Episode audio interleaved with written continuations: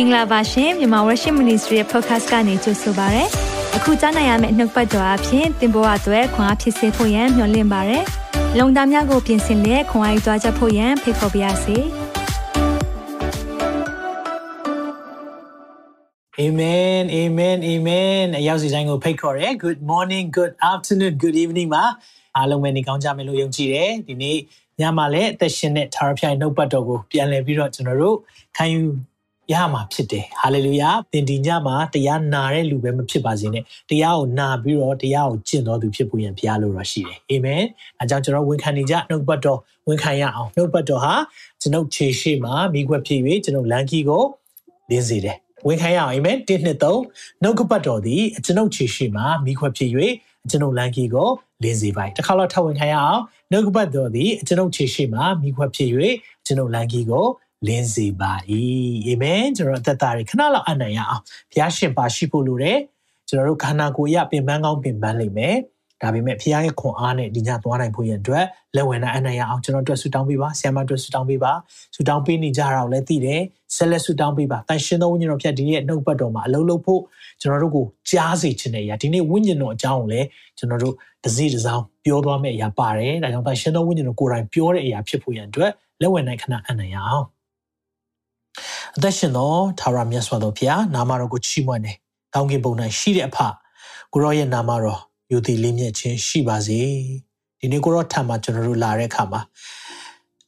အရာအားလုံးကိုတော့သိပြီးသားဖြစ်တယ်။ကျွန်တော်လိုအပ်ချက်ကျွန်တော်ရဲ့အားသာချက်အရာအားလုံးကိုတော့သိတယ်။အကြောင်းကိုရောရှေ့မှာလာတဲ့အခါမှာတန်ရှင်းခြင်းအသက်တာမရှိတဲ့အရာများအတွေးခေါ်အကျင့်ကြံပြောဆိုမူရအားလုံးမှားယွင်းတဲ့အရာများရှိရင်ကိုရောရှေ့မှာဝန်ချတောင်းပါနဲ့ အရှင်သောဝိညာဉ်တော်ဘုရားကိုစိတ်နာစေတဲ့အပြုအမူမှရှိရင်လည်းဝန်ချတောင်းပန်တယ်ကိုရောလမ်းပြပါကိုရောပို့ဆောင်ပါကိုရောခွဲကားပါဒီနောက်ဘက်တော်အဖြစ်နှလုံးသားအသီးသီးမှာတိဆောက်စရာဖြစ်စေပါပြင်ဆင်စရာဖြစ်စေပါဒီနေ့သေနေတဲ့အသင်းတော်အကြောင်းပြောတဲ့အခါမှာကျွန်တော်တို့တွေသူများကိုလက်ညှိုးထိုးဖို့မဟုတ်ဘဲနဲ့ကိုယ့်ရဲ့အသက်တာမှာတကယ်သေနေတဲ့ဖခင်ရဲ့အသင်းတော်ရဲ့စိတ်ပိုင်းဖြစ်နေလားဆိုတာကိုဆင်ခြင်မိသွားဖို့ရန်အတွက်ဝိညာဉ်တော်ဘုရားဖွင့်ပြပါနားလည်စေပါ နားရှိတော်သူမိကကြားပါစေလို့ဝိညာဉ်တော်ကပြောတဲ့အရာအားလုံးကျွန်တော်ကိုယ်တိုင်ဟောကြားသူမှစာ၍ခံယူတော်သူအားလုံးဒီအရာဒီကျွန်တော်နဲ့သက်ဆိုင်ကြောင်းဝန်ခံတဲ့နှုတ်ပတ်တော်ကြိုးဆိုတဲ့တန်ရှင်းသောဝိညာဉ်ပြောက်ကြိုးဆိုတဲ့ဆက်များလိုင်းများအားလုံးယေရှုနာမ၌ကောင်းချီးပေးတဲ့ဖခင်ရဲ့ကွယ်ကားခြင်းမဆာခြင်းသက်သာရှိပါစေယေရှုရဲ့မြတ်သောနာမ၌စက္ကန့်နဲ့ဆုတောင်းပါ၏အာမင်အာမင်အာမင်ဟုတ်ပြီနော်ကျွန်တော်တို့ဒီဒီနေ့မှာတင်းတော်တွေကျွန်တော်တို့ လေ့လာလာတာဆိုရင်အခုဆိုရင်ဘယ်နှခုရှိပြီလဲဆိုတော့ဟုတ်ပြီကျွန်တော်တို့အသင်းတော်တွေเนาะအသင်းတော်ခုနှစ်ပါးအကြောင်းလေ့လာတဲ့အရာတွေကျွန်တော်တို့အခုဆိုရင်အခုဆိုရင်အသင်းတော်၅ခုမြောက်เนาะသေနေတော့အသင်းတော်သာတိเนาะ Sardis အင်္ဂလိပ်လိုတော့ Sardis လို့ခေါ်တယ်သာတိအသင်းတော်ဆိုတာရှိတယ်ဆိုတော့တာရီအသင်းတော်အကြောင်းပြောမယ်ဆိုရင်အာငါတို့အသင်းတော်ပဲလားသူတို့အသင်းတော်ထင်တယ်စသဖြင့်ကျွန်တော်တို့လက်ညှိုးထိုးတတ်တယ် ဒါပေမဲ့ဒီနေ့ကျွန်တော်နားလဲစေချင်တယ်အသင်းတော်ဆိုတာယုံကြည်သူများအောင်ပြောတာဖြစ်တယ်နော်အဲကြောင့်အသင်းတော်သိသိမယ်လို့ပြောတဲ့အခါမှာဘာကိုသိသိမှာလဲနော်ဆိုတော့မင်းကမင်းချင်တယ်အသင်းတော်သိသိမယ်ဘာကိုသိသိမှာလဲအဆောက်အုံကြီးပါသွားမှာလား sound system တို့ mic တို့ဟလာခုံနေအဲ့ဒါပါသွားမှာလားအသင်းတော်ပိုင်တဲ့မြေခွက်ကြီးပါသွားမှာလားဒါမှမဟုတ်ရင်ယုံကြည်သူတွေပါသွားမှာလားဒီဒါကြောင့်မလို့အသင်းတော်ဟာဘာလဲဆိုတာကိုသိစေချင်တယ် အသင်းတော်ကိုသိစေတယ်လို့ပြောတဲ့အခါမှာလူတွေအသင်းတော်ဆိုတာလူဖြစ်တယ်အဲကြောင့်ကျွန်တော်တို့ကမိသားဟာယလို့ခေါ်လိုက်ရင်ဒါအသင်းတော်မဟုတ်ဘူးဟလာဒါမှမဟုတ်ယုံကြည်သူများဒါကဆုတောင်းတာပဲအဲ့လိုမျိုးကျွန်တော်တို့တွေခံယူတတ်တယ်တကယ်တော့ယုံကြည်သူများနှစ်ဦးသုံးဦးသဘောတူလဲဆုတောင်းတဲ့အလယ်မှာရှိမယ်ဘုရားကပြောပြီးသားဒါကြောင့်ကျွန်တော်တို့ဆုဝေးတဲ့အလယ်မှာညီညွတ်ဖို့လိုတယ်။ဒါကြောင့်ညီညွတ်ခြင်းရှိမှသာလဲအသင်းတော်လို့ပြောလို့ရတယ်။အာမင်။ဒါကြောင့်မလို့ဒီနေ့မှာသင်နေတဲ့အသင်းတော်အကြောင်းလေ့လာတဲ့အခါမှာ ကျွန်တော်တို့ဘာပြင်ဆင်ရမလဲ။ကိုယ်သက်တာမှာဘာလိုအပ်လဲဆိုတာကိုတန်ရှင်းသောဝိညာဉ်တော်ဖျားဖွင့်ပြပါစေ။အာမင်။ဆိုတော့ဒီမှာကျွန်တော်ကြည့်တဲ့အခါမှာသင်နေသောအသင်းတော်သာရိဒါကတော့အပိုင်းခုဆိုရင်အပိုင်း6တောင်ကျွန်တော်တို့ရောက်လာပြီเนาะဆိုတော့ကျွန်တော်တို့အဲဒီဗျာဒိတ်ကြံခန်းကြီး1ကိုအပိုင်းတစ်ပိုင်းအနေနဲ့ကျွန်တော်လေ့လာခဲ့တယ်ပြီးတော့အသင်းတော်5ခုဆိုတော့အခုဆိုရင်ဒါကအပိုင်း6ရောက်သွားပြီဆိုတော့တာရိအကြောင်းကိုကျွန်တော်အခြေခံလေးနည်းနည်းပြောပြမယ်เนาะဘာကြောင့်လဲဆိုတော့တချို့ဒီထဲမှာ တာရီရဲ့နောက်ကြောင်းပေါ့နော်တာရီမြို့ရဲ့နောက်ခံတမိုင်းမသိဘူးဆိုရင်ဒီရဲ့သခင်ယေရှုရေးတဲ့စာကိုဘာသာပြန်လို့မရအောင်ဘာသာပြန်တယ်ဆိုအနက်ဒိတ်ပဲနားမလည်နိုင်နော်ဘာသာပြန်တယ်လို့ပြောတဲ့အခါမှာအနက်ဒိတ်ပဲကိုပြောတာဖြစ်တယ်အဲ့အနက်ဒိတ်ပဲကိုကျွန်တော်တို့တွေ လေးလေးနက်နက်နားလည်နိုင်မှာမဟုတ်ဘူးရုပ်တရက်တော့ပြောလို့ရတာပေါ့နော်တန်ရှင်းချင်းရှိပါစသဖြင့်ပြောလို့ရဒါပေမဲ့ဘာကြောင့်အဲ့လိုပြောတယ်လဲဆိုတဲ့အရာကိုကျွန်တော်နားလည်ဖို့ဒီတမိုင်းကြောင့်နည်းနည်းလေးပြောပြမယ်နော်ဆိုတော့တာရီမျိုးကအရင်တော့ဆိုရင်ဒါ Lydia Empire ဆိုတော့နော် Lydia Empire ရဲ့လက်အောက်မှာရှိခဲ့ပူတယ်နော်ဆိုတော့ဒါတွေကယောမခင်မဟုတ်သေးဘူး Greek ခင်မဟုတ်သေးဘူးเนาะအဲ့ဒီတက်ဆိုးတဲ့အချိန်မှာเนาะ Lydia Empire လက်အောက်မှာရှိဘူးတဲ့အခါမှာမြို့ဟောင်းဖြစ်ဘူးလေဆိုတော့ဒီမြို့က ဒါနင်းနေနောနောမြို့မဟုတ်ဘူးထင်အထင်ကြီးမြို့ဖြစ်တယ်လို့ချမ်းသာတဲ့မြို့ဖြစ်တယ်เนาะဆိုတော့အဲ့ဒီမြို့ကသုံးမွေးလုပ်ငန်းအထည်လိပ်လုပ်ငန်းနဲ့နာမည်ကြီးတယ်เนาะဆိုတော့အထည်အလိပ်အကြောင်းကိုနာမည်ကြီးတယ်ဆိုတာသိထားမှယေရှုခရစ်တော်ကပြီးရင်သူဒီအသင်းတော်စကားပြောတဲ့အခါမှာဆက်ဆက်မှုရှိတာကိုသိလိမ့်မယ်เนาะဆိုတော့ဒီမျိုးကဘာကြောင့်အချမ်းသာတာလဲဆိုရင် ချမ်းသာတဲ့အကြောင်းရင်းတစ်ခုကဒါအထည်လိပ်လုပ်ငန်းတွေလုပ်တာပါတယ်။ဒါပေမဲ့တကယ်တမ်းချမ်းသာတဲ့အဓိကအကြောင်းရပါလဲဆိုတော့အဲ့ဒီအဲ့ဒီမြို့ပေါ့နော်အဲ့ဒီမြို့နာမှာဒီနော် Pactolus River Pactolus မြစ်မြစ်ဆိုပြီးတော့စီးဆင်းတယ်။အဲ့မြစ်ကဘာထူးခြားလဲဆိုတော့သူ့ရဲ့သဲသဲထဲမှာရွှေငွေအဲ့လိုမျိုးရောထားတဲ့တတ်တူတစ်ခုပေါ့နော်ဆိုတော့ရွှေကျွန်တော်တို့ဒီနေ့ခေတ်ရွှေအစစ်စစ်လိုမျိုးတော့မဟုတ်ပေမဲ့ တကယ်ဟိုရွှေပေါ့เนาะဒီဒီအဲရွှေရိုင်းပြောမလားเนาะဆိုတော့အဲ့လိုမျိုးကြီးဒါမှမဟုတ်ရင်ရွှေစစ်လုပ်လို့ရတဲ့เนาะအကုန်လုံးတတ်တူရောနေတယ်အဲ့ဒီရွှေတစ်မျိုးပါတယ်เนาะဆိုတော့ဒီမျိုးကအဲ့ဒါနဲ့သူကချမ်းသာတယ်ချမ်းသာတော့เนาะဒီမျိုးကိုအုပ်ချုပ်ခဲ့တဲ့ဘယင်เนาะဒါယေရှုခရစ်တော်မမွေးခင်เนาะမမွေးခင်နှစ်ပေါင်း600လောက်မှာဆိုရင်သူတို့ကเนาะ king uh, ayadas king ayadas เนาะ ayadas ဘယင်ကဘာလုပ်လဲဆိုတော့ဒီမြို့နဲ့ဆက်ဆက်ပြီးတော့ဘာကိုသူတို့သိထားလဲဆိုတော့ရွှေတင်းကစတင်ပြီးတုံးဆွဲတဲ့เนาะမြို့တွေထဲမှာဒါအစောဆုံးကြတဲ့မြို့တစ်မြို့ဖြစ်တယ်เนาะဆိုတော့ဒါမျိုးသူတို့ကောက်ချက်ချတယ်အဲ့ဒီမြစ်ကရတဲ့ရွှေတွေနဲ့ဒါကြောင့်သူတို့ကရွှေသိပ်ပေါ်များတယ်ပေါ့เนาะအဲ့ဒီမှာဈေးအယောင်းဝယ်လုပ်တဲ့အခါမှာဒီရွှေတွေနဲ့အယောင်းဝယ်เนาะအပေကန်တာငွေကြီးစနစ်တစ်ခုဖြစ်လာဖို့ရန်အတွက်ဒီရဲ့မြို့နဲ့ဒီရဲ့ emperor ဟာ အာအချက်ချာကြတဲ့မြို့တစ်မြို့ဖြစ်တယ်ဆိုတော့ကျွန်တော်တို့သိဖို့လိုတယ်เนาะဒါလေးကိုပြောပြချင်တယ်ဒီမြို့မှာเนาะအာရီမိနတ်ဖျားเนาะအာ Artemis Artemis เนาะ Artemis Artemis ဆိုရဲအာတီမိနတ်ဖျားအကြောင်းကျွန်တော်တမန်တော်19တုန်းကပြီးခဲ့တဲ့အသင်ခန်းစာတွေတော့ကျွန်တော်ပြောပြီးပြီဆိုတော့ဒီနတ်ဖျားရဲ့နတ်ကွန်းလည်းရှိနေတယ်เนาะဒါကိုလည်းသိဖို့လိုတယ်။ဘာကြောင့်လဲဆိုတော့ယောမတွေ Greek တွေရဲ့အုပ်ဆိုးတဲ့နေရာဖြစ်ခဲ့ဘူးတော့ဒီနတ်ဖျားတွေကိုကိုးကွယ်ခြင်းဟာ ဒီမြို့ရဲ့အာဒလီထုံးစံဖြစ်တယ်လို့ဒီမြို့မှာလုံနေတဲ့အရာဖြစ်တယ်ဆိုတော့ကျွန်တော်သိဖို့လိုတယ်။เนาะဆိုတော့ဟုတ်ပြီဒီရဲ့နှုတ်ကပတ်တော်ကျွန်တော်ဖတ်ကြည့်အောင်ဆိုတော့တာရီမြို့အကြောင်းနဲ့ပတ်သက်ပြီးတော့နှုတ်ကပတ်တော်ထဲမှာဗျာဒိတ်ကျန်အာခန်းကြီး3เนาะကျွန်တော်ခန်းကြီး3တောင်ရောက်လာပြီเนาะခန်းကြီး3ရောက်လာပြီအငယ်1ကနေ6အထိအဲ့ဒီထဲမှာတူတူလေးပဲပြောထားတယ်ဆိုတော့အဲ့ဒီထဲကကျွန်တော်တို့ပထမ3ပိုက်ကိုအရင်ဖတ်ကြည့်အောင်ဗျာဒိတ်ကျန်ခန်းကြီး3အငယ်1ကနေ3 တာရီမြို့၌ရှိသောအသင်းတော်ဤတမန်အသင်းတော်တမန်ဆိုတာအသင်းတော်အုပ်ချုပ်တဲ့သူသင်တော်ခေါင်းဆောင်ဒါမှမဟုတ်ရင်ပါစတာเนาะဒါကိုပြောတာဖြစ်တယ်ဤတို့ရွေးပြီးမှားလိုက်လို့ဘုရားသခင်ဤဝိညာဉ်ခုနှစ်ပါးတဲ့เนาะဒီမိခွန်းနဲ့ပတ်သက်ပြီးတော့ကျွန်တော်ကို online မှာတစ်ချက်လာမေးတာလည်းရှိတယ်ဒီနေ့မှာပြန်ဖြေပေးမယ်တစ်ခေါက်ကျွန်တော်တို့သင်ပြီးပြီဒါပေမဲ့ဒီနေ့မှာပြန်ဖြေပေးမယ်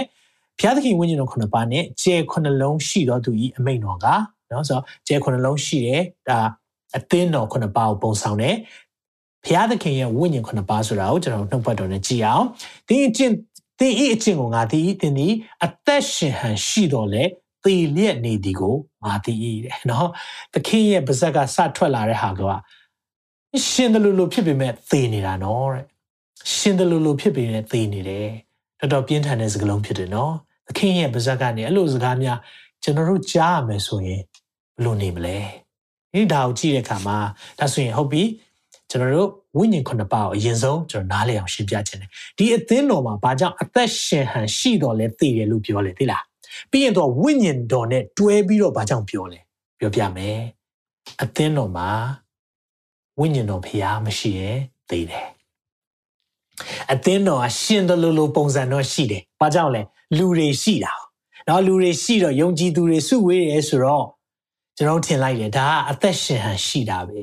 ဒါပေမဲ့ယေရှုရဲ့မျက်စိထဲမှာဘလို့မြင်လဲသိတယ်။ဘာဘာကြောင့်သေလဲပြောပြမယ်။တန်ရှင်သောဝိညာဉ်တော်ကိုဦးစားမပေးတဲ့တင်တော်။တန်ရှင်သောဝိညာဉ်တော်မပါရှိတဲ့တင်တော်။တန်ရှင်သောဝိညာဉ်တော်ရဲ့ဦးဆောင်မှုမရှိတဲ့အသင်းတော်မှန်သမျှသည်အသက်ရှင်ဟန်ရှိတော်လဲသေတယ်လို့ပြောတာ။ဒါကြောင့်မလို့ဝိညာဉ်တော်ဝိညာဉ်ခုနှစ်ပါးဆိုတဲ့စကားလုံးကိုသူဘာကြောင့်သုံးလဲဆိုတော့တန်ရှင်သောဝိညာဉ်တော်နဲ့မသွားဘူးလို့ပြောချင်တာဖြစ်တယ်။ဒါကြောင့်တန်ရှင်သောဝိညာဉ်တော်နဲ့ကျွန်တော်တို့အလုပ်လုပ်တတ်ဖို့လိုတယ်။ အဲတော့တန်ရှင်သောဝိညာဉ်တော်နဲ့ပတ်သက်ပြီးတော့ကျွန်တော်တို့သင်ခန်းစာခုနှစ်ခုတောင်မှသင်ပြီးသွားပြီဒါကိုလည်းပြန်ကြည့်စေချင်တယ်အဲကြောင့်တန်ရှင်းသောဝိညာဉ်တော်မရှိရင်အသင်းတော်ကဘာနဲ့တူလဲသိလားလူမှုအဖွဲ့အစည်း social club ဆိုတူတယ်ဟုတ်တယ်နော်ပုံမှန်တွေ့ဆုံတယ်ပုံမှန်စားကြတယ်ပုံမှန်ငွေထည့်ကြတယ်ပုံမှန်သွားနေကြတယ်တယောက်နာဖျားရင်ตาရေးနာရေးဟလားအသင်းတော်နဲ့တွဲလိုက်တဲ့စကလုံးကြားတဲ့ဟာตาရေးနာရေးဒါပဲကြားရတယ်ဆရာကြီးตาရေးနာရေးငွေ ตาရေးနာရေးငွေအသင်းတော်လာတဲ့စိတ်ကตาရေးနာရေးငွေဘယ်လောက်ရမလဲဒါနဲ့ပဲလာတာเนาะလူတွေကအဲဝမ်းနေဖို့ကောင်းတယ်ตาရေးနာရေးအတွက်ပဲဆိုရင်အဲ့အသင်းတော်ကအသက်ရှင်ရှိတော်လဲသေတယ်ဘာကြောင့်လဲတန်ရှင်သောဝိညာဉ်တော်ဥမဆောင်တဲ့အသင်းတော်အသေးပဲဝိညာဉ်တော်ကဆုံးမပြီဝိညာဉ်တော်ကပြောဆိုပြီဆိုရင်နာခံမှုဖြစ်တယ်ဒါဆိုရင်အဲ့ဝိညာဉ်ခုနှစ်ပါးဘာကိုပြောတာလဲချက်လောက်ကြည့်အောင်ဟေရှာယ7ထဲမှာပြောထားပေးတယ်ဒါပေမဲ့မြန်မာကျမ်းစာထဲမှာ ဝိညာဉ်ခုနှစ်ပါးကိုပုတ်ပုတ်ပုတ်ကလေးနဲ့ခွဲထားပြထားတာအာတမျိုးလေးဖြစ်နေတော့ကျွန်တော်နားမလည်နိုင်ဘူးဒါကြောင့်အင်္ဂလိပ်ကျမ်းစာနဲ့ကျွန်တော်တွဲပြီးတော့ရှင်းပြချင်တယ်ဒါဆိုဝိညာဉ်ခုနှစ်ပါးပါလေအဲ့ဒီမှာဝိညာဉ်ခုနှစ်ပါးကိုကြည့်တဲ့အခါမှာဟေရှာယအနာဂတ်ကျမ်းအခန်းကြီး7အငယ်1မှာဒီလိုပြောတယ်သာရဖျားရဲ့ဝိညာဉ်တော်နော်အဲ့ဒီမှာတပါးတွေ့ရတယ် spirit of the lord သာရဖျားရဲ့ဝိညာဉ်တော်ဆိုတာဘာလဲဆိုတော့ဉာဏ် ပညာเนาะဆိုတော့မြန်မာမှာတော့ဉာဏ်ပညာလို့တွဲပြီးသုံးလိုက်တယ်ဒါပေမဲ့အင်္ဂလိပ်ကျမ်းစာမှာဆိုရင် spirit of wisdom spirit of understanding တဲ့ဒီနှစ်ခုကိုခွဲခြားတယ်ဆိုတော့သာရဖျားဝိညာဉ်တော်ဉာဏ်ပညာပေးသောဝိညာဉ်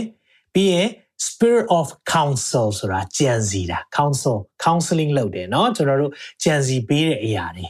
ကြံစီတာပြီးရင် spirit of might တက်ဆွမ်းနိုင်ခြင်းအဲ့မှာ၅ခုရှိသွားပြီပြီးရင်အာတတိနော်တတိပေးတယ်ဆိုတာ mic ကိုပြောတာဖြစ်တယ်ကြံစီတက်ဆွမ်းတယ်ဆိုတာတော့ spirit of counsel a counsel ပေးတယ်နော်အဲ့မှာကျွန်တော်၅ခုရှိသွားပြီသာရဖျားကိုသိတာနော်ဆိုတော့ spirit of the knowledge နော် knowledge သိတာနံပါတ်6ခုဖြစ်သွားပြီကြောက်ရွံ့သောသဘောအဲ့ဒီမှာ fear of the lord ဒါကြောင့်မလို့ဝိညာဉ်ခုနှစ်ပါးပါလဲဆိုရင်တော့အဲ့ဒီမှာမြန်မာကျမ်းစာမှာတွဲပြီးရေးထားတဲ့အခါမှာမပေါ်ဘူးဒါပေမဲ့အင်္ဂလိပ်ကျမ်းစာမှာကြည့်တဲ့အခါမှာကျွန်တော် highlight လုပ်ထားပေးတယ် spirit of the lord သာရဖျားဝိညာဉ်တော်ပြီးရင်ဒါဒါဆိုဝိညာဉ်တော်ကခုနှစ်ပါးရှိတာလားမေးစရာမေးခွန်းရှိလာတယ်ဝိညာဉ်တော်ခုနှစ်မျိုးရှိတာလားအဲ့လိုပြောတာမဟုတ်ဘူးဝိညာဉ်တော်ရဲ့အမှုဆောင်ခြင်းဝိညာဉ်တော်ရဲ့လှုပ်ဆောင်ခြင်း ministry of the holy spirit လို့ခေါ်တယ်ဝိညာဉ်တော်ကဒါရီဒါရီလှုပ်ဆောင်ပေးလေးရှိတယ်ဆိုတာကိုကျွန်တော်သိဖို့လိုတယ်ဒါကြောင့်မလို့ကျွန်တော်တစ်ချက်ကြည့်တဲ့အခါမှာမတွေ့ရတယ်သိလားဖခင်ရဲ့ဝိညာဉ်တော်ညံလို့လားတောင်းပါပညာလို့လားတောင်းလို့ရတယ်အသိလို့လားတောင်းလို့ရတယ်ကြံစီတက်ဆွမ်းတဲ့ council ဆိုတာတိုင်ပင်လို့ရတယ်တန်ရှင်သောဝိညာဉ်တော်တိုင်ပင်တာပြီးရင်ကျွန်တော်တို့30 mic ကြောက်ရွံ့ခြင်းများနေလား30ရှိလား အဲ့ဒီတတ္တိဘယ်ရလာလဲတန်ရှင်သောဝိညာဉ်တော်နဲ့ဆက်ဆက်ပြီးတော့တန်ရှင်သောဝိညာဉ်တော်ကပေးတဲ့အရာဖြစ်တယ်အာမင်ပြီးရင် fear of the Lord ထာဝရဘုရားကိုကြောက်ရွံ့တာနော်ထာဝရဘုရားကိုကြောက်တယ်ဆိုတဲ့အခါမှာဘုရားကြိုက်တာကိုကြိုက်တယ်ဘုရားမကြိုက်တာကိုမကြိုက်ဘူးထာဝရဘုရားကိုကြောက်တဲ့လူကထာဝရဘုရားနဲ့ဝေးမှကြောက်တာထာဝရဘုရားအပြစ်လုပ်ထားပြီးတော့ကြောက်ပြီးတော့ထွက်ပြေးတဲ့လူပြောတာမဟုတ်ဘူးနော်အဲကြောင့်မလို့အဲကြောင့်တန်ရှင်သောဝိညာဉ်တော်အကြောင်းကိုဒီအသင်းတော်ထဲမှာသခင်ယေရှုကပြောထားတယ် အရှင်သောဝိညာဉ်တော်နဲ့မသွားတဲ့အခါမှာပြန်ကြည့်အောင်เนาะဒါလေးဒါလေးတစ်ချက်လောက်ပြန်ကြည့်အောင်နားမရှုပ်စေချင်ဘူးဖျားသခင်ဤဝိညာဉ်ခုနှစ်ပါးဒါကိုအဖွင့်မှာကလေးကပြောလိုက်တယ်ဝိညာဉ်ခုနှစ်ပါးလို့သူပြောတာဘာကြောင့်ပြောလဲအဲ့ဒီဝိညာဉ်ခုနှစ်ပါးရှိတဲ့သူအမိန်လို့ပြောတာသူပြောတာเนาะသခင်ယေရှုကသူကိုယ်တိုင် hey အရှင်သောဝိညာဉ်တော်ခုနှစ်ပါးနဲ့အလုပ်လုပ်လားမလုပ်ဘူးလားသင်ဒီအသက်ရှင်ဟန်ရှိတော်လဲသိတယ် အဲကြောင့်အသင်းတော်တွေဘာကြောင့်သိလဲသိလားနားလည်အောင်ပြောရရင်လူမှာခန္ဓာစိတ်ဝိညာဉ်ဆိုတာကျွန်တော်သုံးပိုင်းရှိတယ်ဒါပေမဲ့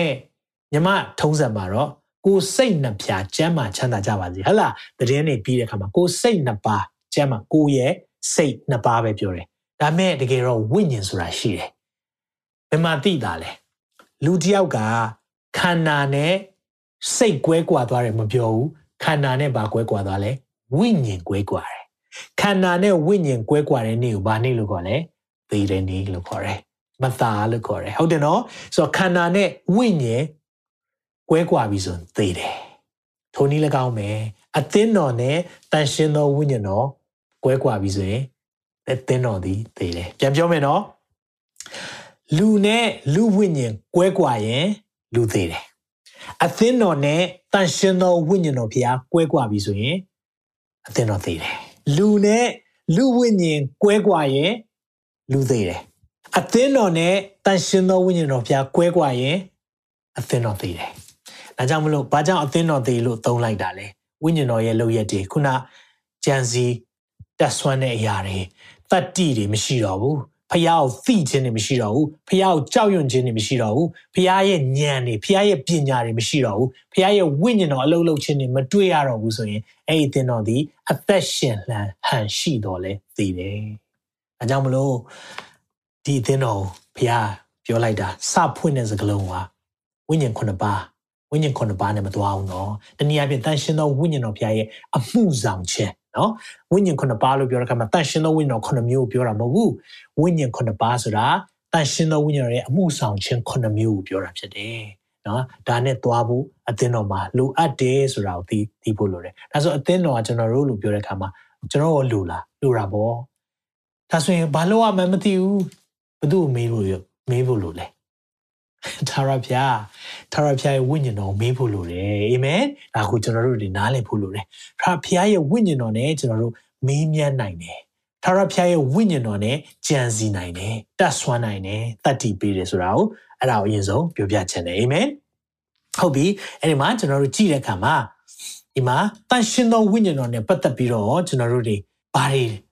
ဝိညာဉ်တော်ကစိတ်နာလဲဒါဆိုဝိညာဉ်တော်နဲ့အလုံးမလုပ်ဘူးဆိုတာဘာကြောင့်လဲ ဝိညာဉ်တော်ကြောင့်ဝိညာဉ်တော်နဲ့အလုပ်လုပ်လို့မရတဲ့အချက်တွေရှိတယ်။တန်ရှင်သောဝိညာဉ်တော်မပျော်တဲ့အသင်းတော်တွေရှိတယ်။တန်ရှင်သောဝိညာဉ်တော်အလုပ်လုပ်လို့မရတဲ့အသင်းတော်တွေရှိတယ်။တန်ရှင်သောဝိညာဉ်တော်ရဲ့အသွာလာကိုနားမလည်တဲ့အရာတွေအများကြီးရှိတယ်။အဲဆိုဝိညာဉ်တော်စိတ်နာတတ်တယ်တဲ့။ဝိညာဉ်တော်ဟာနော်ဝိညာဉ်တော်အရှိန်ကြတတ်တယ်တဲ့ဒါတွေဘာတွေလဲကျွန်တော်ချက်ကြည့်အောင်เนาะကျွန်တော်တို့အသေးစိတ်တော့မသွားတော့ဘူးဝိညာဉ်တော်ရဲ့သင်ခန်းစာခုနှစ်ခုမှာဒီအကြောင်းအရာတွေအသေးစိတ် ပြောပြီးပြီเนาะပြန်ကြည့်လို့ရတယ်ဟုတ်ပြီအဲ့ဒါမှကြည့်တဲ့အခါမှာအေဖက်၄29နဲ့30မှာပြောလဲညဉ့်ညူသောစကားတစ်ခုကိုမှသင်တို့နှုတ်ကမထွက်စေနဲ့ကြားနာသူတို့ရဲ့အကျိုးကိုပြုစုစေခြင်းကတိဆောက်เสียဖို့ကောင်းသောစကားကိုသာသုံးဆောင်ကြလောဟုတ်ပြီနော်စကားပြောတာဟိုကိုဆင်ခြင်ရမယ်ရွေးနှုတ်ခြင်းနေ့ရဲ့တိုင်အောင်သင်တို့ကိုတစိ့ခတ်တော်မူတော့ဘာလို့ပြောလဲဖရာသခင်ဤတန်ရှင်သောဝိညာဉ်တော်ကိုဘာမလုပ်ပါနဲ့လေစိတ်မနာစေနဲ့ဖရာရဲ့စိတ်ဖရာရဲ့တန်ရှင်သောဝိညာဉ်တော်ကိုစိတ်နာတယ် ဘာကစိတ်နာစေတာလဲအပေါ်မှာညှဉ်းညူးတဲ့စကားအောက်မှာလည်းထပ်ပြောတယ်ခတ်သိမ်းသောစိတ်တူခြင်းစိတ်ဆိုးခြင်းအမျက်ထွက်ခြင်းအော်ဟင်ကောင်ဝေါ်ခြင်းသူ့အသေးပြောင်ပြောစေခြင်းတို့ကို၎င်းခတ်သိမ်းသောပါလေမနာလိုခြင်းเนาะမနာလိုစိတ်ရှိတာလဲဘုရားဝိညာဉ်တော်မကြိုက်ဘူးပါစက်ကတော့အစ်စေးပဲငြိမ်းနေတာဟောတကယ်ကောင်းကင်တမန်လေးကြာနေတာဟာလားအစည်းအဝေးတွေဆိုလည်းဘာမှမပြောဘူးအာတကယ်ဘုရားနဲ့ပတ်သက်တဲ့စကားလုံးလေးတွေပဲထွက်လာတယ်ဒါပေမဲ့ဘာရှိလဲမနာလိုစိတ်အပြည့်ရှိတယ်အဲ့ဒီလူကဘာလဲသိလား ဝိညာဉ်တော်စိတ်နာစေတယ်ဘာကြောင့်လဲစိတ်ဝိညာဉ်ဘုရားသိတယ်လေဒါကြောင့်မလို့ဒီမှာပြောထားတာရွေးနှုတ်ခြင်းနေ့ရက်ကာလတိုင်အောင်ရှိမဲ့တန်ရှင်သောဝိညာဉ်တော်စိတ်မနာစေနဲ့ဒီအသင်းတော်ကဘာတွေပြောထားလဲမသိဘူးဒါကြောင့်မလို့ဝိညာဉ်တော်အလုပ်လုပ်လို့မရအောင်ကျွန်တော်တို့ကဘာတွေပြောထားလဲ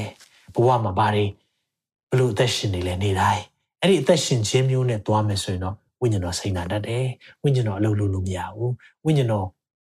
နဲ့မသွားဘူးဆိုရင်အသင်းတော်ဟာသေးတယ်လို့ပဲယုံကြည်သူတွေရဲ့အသက်တာမှာဝိညာဉ်တော်နဲ့မသွားအောင်ဆိုခန်းချောက်လာတယ်အာမင်ဒါကြောင့်မလို့ကြည်ရအောင်နောက်ကျမ်းစာမှာပြောလဲတတလောနဲ့ဩရာစာပထမဆုံးခန်းကြီး9အငယ်16မှာဆိုရင်ဝိညာဉ်တော်ဤအရှိန်ကိုမငြိမ်းစေကြနဲ့ဝိညာဉ်တော်အရှိန်ငြိမ်းစေတာကျွန်တော်ရဲ့စကားပြောခြင်းနေနော်အော်ဟင်းငောင်းငေါခြင်းနေတကယ်စိတ်တူခြင်းနေဒါတွေအတန်ရှင်သောဝိညာဉ်တော်ရဲ့အရှိန်တစ်ခုကိုကြားစေတယ် ခတ်သိမ်းတော့မနာလိုခြင်းเนาะပြောတော့မပြောစိတ်တော့မတုံငြိမ်တော့ငြိမ်တယ်အထက်ကမနာလိုစိတ်အပြည့်ရှိတယ်ဘုရားဝိညာဉ်တော်အရှိန်ငြိမ်းစေတာနှောင့်တရဖို့လိုတယ်ဟာလေလုယာဟုတ်ပြီဆက်ကြည့်အောင်เนาะအဲ့ဒီမှာအငယ်နှစ်မှာဗာပြောလဲဆိုတော့ဒါဆိုရင်ကျွန်တော်ပထမတစ်ပိုက်ကိုနားလည်မယ်เนาะဒါကြောင့်လေးနဲ့တယ်တွေ့လားဒီဗျာဒိတ်ကျန်းကအရင်လေးနဲ့တဲ့ခါမှာကျွန်တော်တပိုက်ကိုရှင်းပြတာကို15မိနစ်လောက်ကြာတယ်။ဘာ ဘာကြောင့်လဲတိတ်လေးနဲ့တင်နှုတ်ပတ်တော်တွေဖြစ်တယ်ဒါကြောင့်သင်မလွတ်ပါစေနဲ့သင်ဒီအရာကို ခံယူပါနှလုံးသားထဲမှာတကယ်ကိုနာခံခြင်းနဲ့စိတ်နဲ့ခံယူရင်ဝိညာဉ်တော်ဒီနေ့မှာသင်ကိုလေးပြပြင်သွားလိမ့်မယ်ဟာလေလုယာအငယ်နှစ်ကိုကြည့်အောင်မအိပ်ပဲစောင့်ရွနေလောဟုတ်ပြီနော်ကျွန်တော် highlight လုပ်ထားပေးတယ်စောင့်ရနေတဲ့အကြောင်းတွေကို highlight လုပ်ထားပေးတယ်အဲ့မှာကျွန်တော်နှစ်နဲ့သုံးကိုတခါတည်းဖတ်လိုက်မယ်ကြံရည်၍တေတေလူသောအရာတို့ကို ပြုစုလောဘာတွေကြံသေးလဲပြီးရင်ပြောမယ် တင်းကျင့်သည်ငါဤဖျားသခင်ရှိနိုင်မစုံမလင်ရှိသည်ကိုငါတွေ့ပြီ။အော်ဒီအသင်းတော်ချက်ချင်းထောက်ပြီနော်။အော်မှုကောင်းတယ်။ဒီအသင်းတော်တစ်ခုတည်းပဲလေ။အတခြားအသင်းတော်ဆိုရင်မင်းရဲ့အချင်းချင်းချင်းချစ်ချင်းနေယုံကြည်ခြင်းနေနော်အသစ္စာဆောင်ခြင်းတွေကိုသိတယ်။ဒါမျိုးတွေစလာတယ်။ commendation လို့ခေါ်တယ်။ဖျားရဲ့ချီးကျူးတဲ့စကားပေါ့နော်။ချီးချီးမွမ်းတဲ့စကားချီးမွမ်းတဲ့စကားတခုမှမကြားရဘူးဒီအသင်းတော်။ချက်ချင်းလာတာနဲ့ ပြင်ရမယ့်ဟာတွေပဲသခင်ကပြောသွားတယ်ဒီနေ့ကျွန်တော်တို့ရဲ့အသက်တာလေးဆင်ခြင်ရအောင်ဖခင်နဲ့ပတ်သက်ပြီးတော့ကျွန်တော်တို့ဒီလှုပ်ဆောင်မှုတွေတကယ်ရှိရလားမရှိဘူးဆိုရင်တော့ကျွန်တော်တို့ဖခင်ထောက်เสียပဲရှိနေလားဒါကိုဆင်ခြင်ရအောင်ကြည့်မယ်ထို့ကြောင့်တင်ဒီခံယူ၍နားထောင်ပြီးသည့်အရာကိုအောက်မေ့၍ဆောင်ရှောက်လောအရင်တော့ခံယူခဲ့တဲ့ doctrine ရှိတယ်ခံယူ၍နားထောင်ပြီးတဲ့အရာလို့ပြောတဲ့အခါမှာနှုတ်ကပတ်တော်ကြားပြီးတော့ အဲ့ဒီအရာကိုအောက်မေ့ဆောင်ရှောက်ဖို့လိုတယ်တဲ့နော်ဆိုတော့ hold fast လို့သုံးထားတယ်အောက်မေ့ဆောင်ရှောက်တာပြီးရင်ကျွန်တော်အဲ့ဒါရှင်းပြမယ်ဘာလို့အရင်ရှင်းပြစီခြင်းလဲဆိုရှင်းပြခြင်းလဲဆိုတော့မအိပ်ပဲစောင့်၍နေတဲ့အကြောင်းလေးကိုကျွန်တော်ရှင်းပြခြင်းတာစောင့်၍မနေရင်တခိုးကဲ့သို့တင်ရှိရတော့ငါလာမည်လာမည့်အချိန်တိုင်းကိုလည်းတင်မသိရဟုတ်ပြီနော်ဆိုတော့ဒီမှာကြည့်တဲ့အခါမှာမအိပ်ပဲစောင့်လို့ပြောတယ်ပြီးတော့စောင့်၍မနေဘူးဆိုရင်တဲ့တခိုးကဲ့သို့တင်ရှိရတော့လာမယ်တဲ့လာမယ့်အချိန်ကိုလည်းတင်မသိရ ဒါကိုကျွန်တော်တို့ဖတ်တဲ့အခါမှာတာရီမျိုးရဲ့တမိုင်းကြောင်မသိဘူးဆိုရင်ဒီနှုတ်ကပတ်တော်ရိုးရိုးပဲရှင်းနိုင်ပါဒီလိုပဲရှင်းပါအေးတမပတိတတိရှိကြနော်မအိပ်ပဲနေကြနော်ပြောချင်တာကျန်းစာနဲ့အမြဲသွားပါနှုတ်ပတ်တော်နဲ့သွားပါမှန်ပါတယ်ဒါပေမဲ့ဒီအသင်းတော်ကိုဒီစကလုံးသုံးတာအကြောင်းရှိတယ်အကြောင်းကဘာလဲဆိုရင်တော့အဲ့ဒီတော့ကနော်ဒီစာတိနော်တာရီမျိုးရဲ့အရင်တမိုင်းကြောင်မှာဘာဖြစ်ခဲ့ဘူးလဲဆိုတော့ ပေရသိ empire ရဲ့သိမ်းပိုက်ခြင်းခံရဘူးတယ်နော်အဲ့ဒီတော့ပေရသိ empire ကဘသူကသိမ်းပိုက်လဲဆိုတော့နော်ကျွန်တော်ကျွန်တော်သိတယ် Cyrus Cyrus ဘုရင်လို့ပြောတဲ့အခါမှာเนาะအဲ Ezra เนาะကျွန်တော် Ezra ထဲမှာဖတ်လို့ရတယ်ဟေရှာထဲမှာပါတယ်ဒိုင်လเนาะဒိုင်လထဲမှာဒီဒီဘုရင်အကြောင်းအများကြီးပါတယ်ဆိုတော့ဒီဘုရင်အကြောင်းပါတဲ့အခါမှာเนาะကုကုရုမင်းလို့ခေါ်တယ် Cyrus เนาะကုရုကုရုမင်းအဲ့ဒီကုရုမင်းက ပေရသိလို့ပြောတဲ့အခါမှာဘာကိုပြောတာလဲပေရသိကအီရန်เนาะအီရန် Persia Empire ဆိုတာ1930ကျော်အထိသူတို့ကအဲ့နာမည်ပဲသုံးခဲ့သေးတာနောက်ပိုင်း1930နဲ့ဒီဒီ30 34လားမသိဘူးเนาะကျွန်တော်တို့အဲ့ဒီနောက်ပိုင်းမှာမှသူကအီရန်လို့နာမည်ပြောင်းတာဆိုတော့အရင်တော့ပါရှားပေရသိ empire ဆိုတာကြီးကြီးဖြစ်ခဲ့တယ်เนาะဆိုတော့ကုရုမင်းကဒီမြို့ကိုသိမ်းဖူးတယ်ဆိုတော့သူတို့ကရွှေထွက်ခဲ့တဲ့เนาะမြစ်ချောင်းလည်းရှိတယ် ကြီးကျယ်ချမ်းသာတယ်ဆိုတော့အဲ့ဒီတုန်းကနော်တိတ်ချမ်းသာတဲ့ဘယင်နော်ဆိုတော့ဘာတူလဲဆိုတော့ဒီမှာနော်ကြည့်ပါဒီမှာနော်ဆိုတော့ Lydia King နော်သူက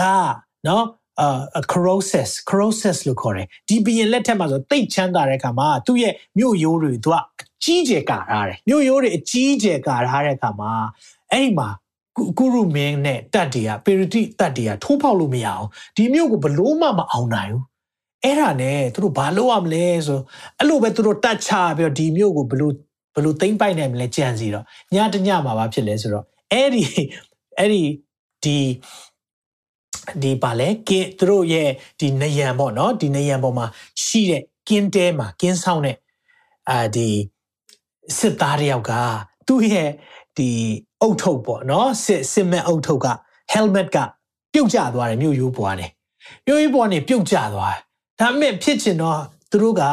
လှုပ်ဝက်တကပေါက်လေးကနေထွက်ပြီးတော့အဲ့ဒီရဲ့အဲ့ဒီရဲ့အုတ်ထုတ်သွားကောက်တာအဲ့ဒီအုတ်ထုတ်ကိုသွားကောက်တဲ့အချိန်မှာဘာဖြစ်သွားလဲဆိုတော့သူတို့ကတိသွားတာပေရတိကဟာဒီမြို့ယူမှာလှုပ်ဝက်အပေါက်ရှိတာပဲဆိုတော့အဲ့ဒီမြို့ယူကနေသူတို့တိတ်တဆိတ်ဝင်ပြီးတော့မြို့ကိုသိမ်းပိုက်နိုင်တယ်ဒါကြောင့်မလို့ဒီအသင်းတော်ဘာပြောလဲသိလားမအိပ်ပဲစောင့်နေနော်လို့ပြောတာသူတို့ချက်ချင်းနားလဲတယ်ကျွန်တော်တို့တွေကတော့ချက်ချင်းနားမလဲဘူးသူတို့သိတယ်သူတို့ တမိုင်းကြောင်းတော့ဒီမျိုးပျက်စီးဖူးတာအဲ့ဒီတော့ကနော် ဒီလှုပ်ဝက်အပေါက်ကနေဝင်လာတယ်ဆိုတာကိုသူတို့အဲ့မြို့ကိုကြာဆုံးသွားတဲ့အကြောင်းရင်းဖြစ်နေတယ်။ဒါကိုကြည့်ခြင်းအပြင်ဒီမြို့ကိုသခင်ကပြောလိုက်တဲ့စကားပေါ့နော်ဒီမှာပြောပြောထားတဲ့စကားကကျွန်တော်ပြန်ကြည့်အောင်เนาะရှေ့မှာအဲ့ဒီမှာဗာပြောလဲမအိပ်ပဲစောင့်ရည်နေလို့စောင့်ရည်မနေလေเนาะကျွန်တော် highlight တွေပဲဖတ်ပြီးတော့မယ်เนาะ တခိုးကဲ့သို့သင်ရှိရသောငါလာမယ်။အော် तू လာမယ်နော်တဲ့နော်။တခိုးကဲ့သို့လာမယ်။လာမယ့်အချိန်ကိုလည်းသင်မသိရ။နော်။ထုံနည်း၎င်းမယ်။ဒါကတခြားဥပမာအနေနဲ့လည်းတခုဘာသိရလဲဆိုတော့အတိတ်ပဲတခုကပါလဲဆိုရင်တော့သခင်ရဲ့ခြီဆောင်ခြင်းသခင်ရဲ့ခြီဆောင်ခြင်းဒီလေအချိန်တိုင်းမသိရအောင်။ဒါကြောင့်ကျွန်တော်တို့ကတမန်တတိအမြဲတမ်းရှိဖို့လိုတာ။သင်တို့ရဲ့ယံသူဟာတဲ့ ဟောက်တော်ချင်သေးကဲ့သို့အဘယ်သူကိုဝါမျိုးရမယ်ကိုကြည်တယ်နော်ဗီဒီယိုထဲမှာပြောထားတယ်။ဒါကြောင့်ကျွန်တော်တို့ကနားလည်ဖို့ကပါလေဆိုတော့ယုံကြည်သူများဒီချိန်ကငိုက်ပြီးအိပ်ပျော်ရမယ့်အချိန်မဟုတ်တမချမ်းစာနဲ့အမြဲချိန်ထိုးနေရမှာကြည်ရမယ်ဆိုင်းတွေကိုကြည်နေရမယ်အဲ့လိုပြောလို့တညလုံးထိုင်နေရမှာပြောတာမဟုတ်ဘူးနော် literal ဆိုတာအဲ့လိုမျိုးထိုင်ဖို့ပြောတာမဟုတ်ဘူးဒါပေမဲ့ကျွန်တော်တို့ကဘာနာရမလဲကိုနားယူရမယ့်အချိန်ရှိတယ်အိပ်ရမယ့်အချိန်ရှိတယ်ဒါပေမဲ့တစ်ချိန်လုံးလောကအရာတွေထဲမှာအိပ်ပျော်ဖို့ပြောတာမဟုတ်ဘူး Facebook တွေနဲ့ပဲအချိန် ကုန်ရမှာမဟုတ်ဘူး maybe it's time to face the book amen face the book ဒီအရာနဲ့ကျွန်တော်တို့အချိန်ကုန်တဲ့အခါမှာအော်ဘယ်မှာပြည့်စုံနေပြီဘယ်မှာတော့ဘာဖြစ်နေပြီအေးဒီလာတိုင်းပြည်မှာဘာဖြစ်နေပြီအနောက်အုပ်စုကဘာဖြစ်နေပြီတူရကီကဘာဖြစ်နေပြီရုရှားကဘာဖြစ်နေပြီကျွန်တော်တို့ဒါတွေစစ်ခင်းချင်းတဲ့အရာတွေအတန်တွေကြည့်တဲ့အခါမှာဘလောက်ထိသခင်ရဲ့တော့ပြန်လာမယ့်အချိန်နီးပြီလဲဆိုတာအဲ့ဒီတမန်တတိကိုပြောတာဟာလေလုယာအကြောင်းဒီမှာ နှုတ်ပတ်တော်မှာဘာပြောလဲဆိုတော့တမန်တတိရှိဖို့เนาะမအိပ်ဖို့ပြောထားတယ်ဟုတ်ပြီဒီရဲ့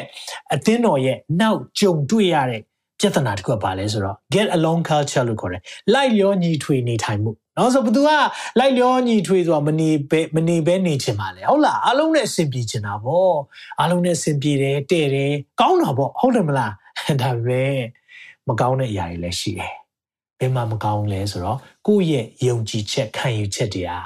တဖြည်းဖြည်းပြက်ပါပြက်ပြားလာတယ်ဒါကိုလည်းရှင်းပြပေးမယ်เนาะရှင်းပြပေးမယ်ဆိုတော့ဟုတ်ပြီဒီမှာကျွန်တော်တို့ခုန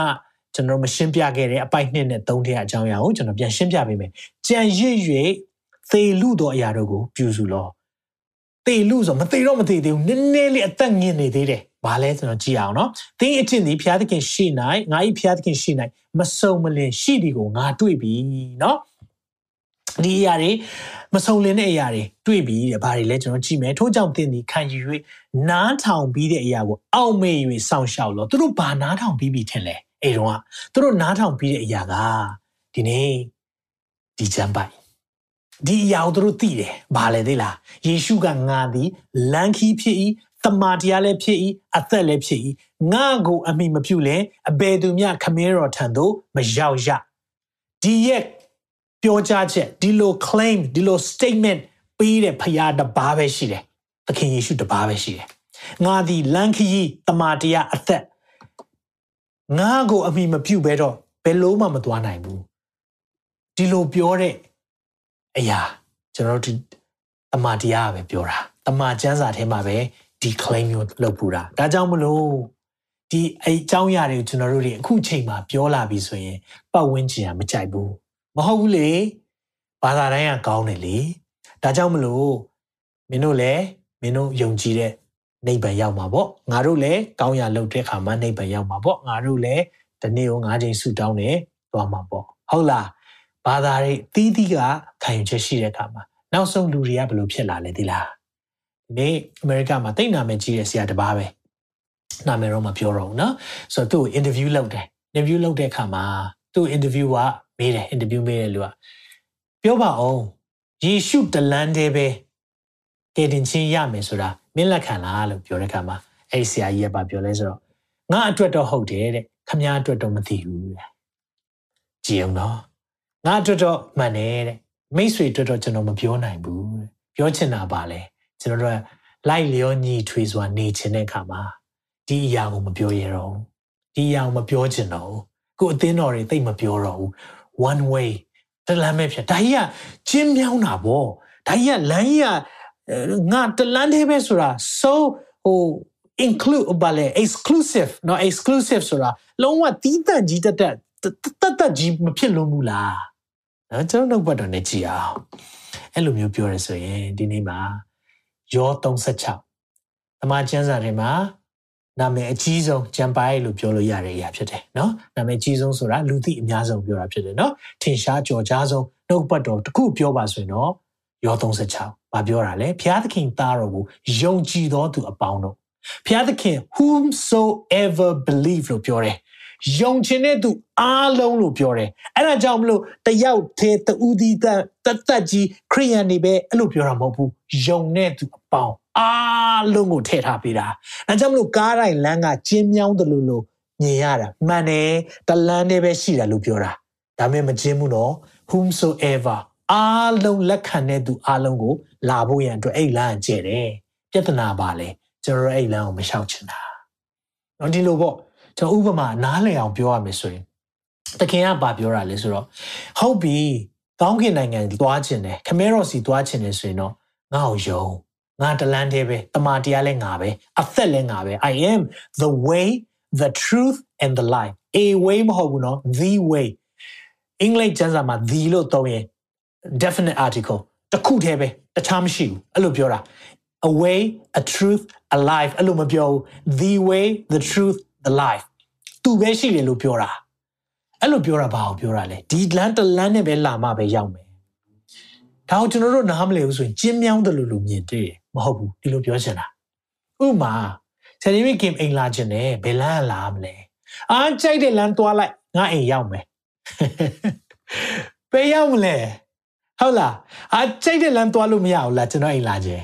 မရဘူးကျွန်တော်ကပြောမယ်ဟုတ်ပြီကျွန်တော်အိမ်လာခြင်း Mount Lindsay Highway လာပါဘယ်လမ်းလာမလဲ Mount Lindsay Highway ကနေလာမယ်ပြီးရင် Park Ridge Road ကိုလာခဲ့ပါအဲ့ Park Ridge Road ကနေ Mount Hanley Street ထဲကိုဝင်လာပါ အဲ့ဒီမှာကျွန်တော်အိမ်ကိုတွေ့လိုက်မယ်။အော်အဲ့လိုပြောတဲ့ခါမှာဟာဒါကြီးကခမားဟာကြီးကနည်းနည်းဟိုတကူကောင်းအတမဆန်ဘူးလား No အဲ့လိုမလာရင်ကျွန်တော်အိမ်လုံးဝမရအောင်ဟုတ်တယ်နော်ထုံနေလကောင်းပဲသခင်ကကျွန်တော်တို့ကိုဒါက very specific တိတိကျကျကိုပြောလိုက်တာတခြားလမ်းနေရှောက်သွားကြည့်ပါရောက်ရင်ရောက်မယ်အဲ့လိုပြောတာမဟုတ်တလမ်းမဲ့လားယေရှုတည်ဟူသောလမ်းကနေလာမှပဲရမယ် အာမင်အဲကြောင့်ကျွန်တော်ဒီလိုခံယူချက်တွေကိုသာရိအသင်းတော်ကခံယူခဲ့တာဒါပေမဲ့ဘာဖြစ်လာလဲအဲ့ဒီအသင်းတော်မှာ culture လိုက်လျောညီထွေတဲ့အလေးအထားလေးတွေဝင်လာတယ်။နော်ဝင်လာတဲ့အခါမှာအဲ့ဒီတုန်းကနော်ဖျားသခင်ဒီဟာလေးကိုအရင်ဖတ်ပေးမယ်နော်ဖျားသခင်သားတော်ကိုယုံကြည်တော်သူအပေါင်းယုံကြည်တဲ့သူတိုင်းနော်ယုံကြည်တဲ့သူတိုင်းဆိုတာ လမ်းကြီးကအကြီးကြီးပါအားလုံးယုံလို့ရတယ်တင့်ကိုယုံတင့်ကိုအားလုံးလာဖို့ကြိုးစုံတဲ့သခင်ဖြစ်တယ်ဒီလမ်းကတေးသေးလေးနဲ့တယောက်ချင်းပဲလာတယောက်နှစ်ယောက်ပဲသွားလို့ရတဲ့လမ်းမဟုတ်ဘူးနော် whomsoever အင်္ဂလိပ်ကျမ်းစာမှာဆိုဘသူဖြစ်ဖြစ်လာလူသူတိုင်းလာနိုင်တယ်ဆိုရယ်လမ်းပျက်စီးခြင်းတို့မရအောင်ဘာပေးမလို့ပြောလဲသာရအသက်ကိုရစေခြင်းကသာရအသက် everlasting life ဘယ်တော့မှမသိနိုင်တဲ့အသက်ဘလောက်ကောင်းလဲ ဘုရားသခင်သည်မိမိ၌တပါးတည်းသောသားတော်ကိုစွန့်တော်မူသည့်တိုင်လောကီသားတော်ကိုချစ်တယ်ဟာလေလုယာဘုရားရဲ့မြတ်တာအဲ့မှာပေါ်တယ်အဲ့ဒီမှာအောက်မှာရေးတဲ့အခါမှာလောကီသားတော်ဟာအပြစ်စီရင်စေခြင်းကဘုရားကစီရင်ဖို့ဘုရားသခင်သည်သားတော်ကိုဤလောကသို့ဆီလွတ်တော်မူမဟုတ်စီရင်ဖို့လွတ်တာမဟုတ်ဘူးတဲ့ဘာလို့တွက်လွတ်တာလဲလောကီသားတို့သည်ကိုရောအားဖြင့်ကယ်တင်ခြင်းသို့ရောက်မိအကြောင်းဆီလွတ်တာဟာလေလုယာဒီနေ့သ ခင်ယေရှုလောကကိုလာတဲ့အရာကခရိယန်တွေအတွက်ကိုလာတာမဟုတ်ဘူးအဲ့တော့ခရိယန်ဆိုတာလည်းမရှိခဲ့ဘူးလူသားအားလုံးအတွက်လာတာလူသားအားလုံးအတွက်လာပြီးတော့သူကဘယ်ဖျားမှမပြောတဲ့ဘယ်သူမှမပြောဘူးတဲ့စကားပြောတယ်အဲ့ဒါပါလေငါသည်လန်ခီသမာတရားအသက် the way the truth and the life no one will come to the father but by me ငါတလန်းထဲရပဲလာလို့ရတယ်အဲ့လိုပြောတာအဲ့လိုပြောတာကဲဒီလိုပြောပြီးဆိုရင်တော့ထူးခြားပြီဒါပေမဲ့သူ့ရဲ့တက်တရားပါလေလူတိုင်းတော့ပြောလို့ရတာပေါ့ငါဖျားဖြစ်တယ်ငါငါ့ကိုယုံပါပြောလို့ရတယ်ဒါပေမဲ့တခုရှိတယ်ဖျားမှန်ရင်သိချင်းမှန်အောင်ရတယ်အဲကြောင့်မလို့လဝါကားတိုင်းမှာအသေးခံတာဆိုတာဖျားရဲ့ချစ်ချင်းမြတ်တာကိုပြတာဖြစ်တယ်လို့ဖျားရဲ့ ကျွန်တော်တို့အပေါ်မှာရှိတဲ့အပြစ်အားလုံးကိုယူသွားတာကိုပြတယ်။ဒါပဲလားမဟုတ်ဘူးရှင်ပြန်ထမြောက်တယ်ယေရှုသာအဲ့ဒီကလေးကသိနေရင်လေကျွန်တော်ကိုးကွယ်စရာမရှိဘူး။ဘာကြောင့်ကိုးကွယ်နေလဲသခင်ယေရှုကထမြောက်တယ်သူ့အယိုးကိုလိုက်ရှာတာဒီနေ့ထိရှာလို့မရအောင်သူ့ရဲ့အလောင်းကောင်ဒီနေ့ရှာလို့မရအောင်ဘာကြောင့်လဲဤရဲ့နိုင်မရှိမိန်တော်မူသည့်အတိုင်းထမြောက်တယ်ဣသရေလမှာတွားကြည့်ပါအခုချိန်ထိဆိုင်းရှိတယ် he has risen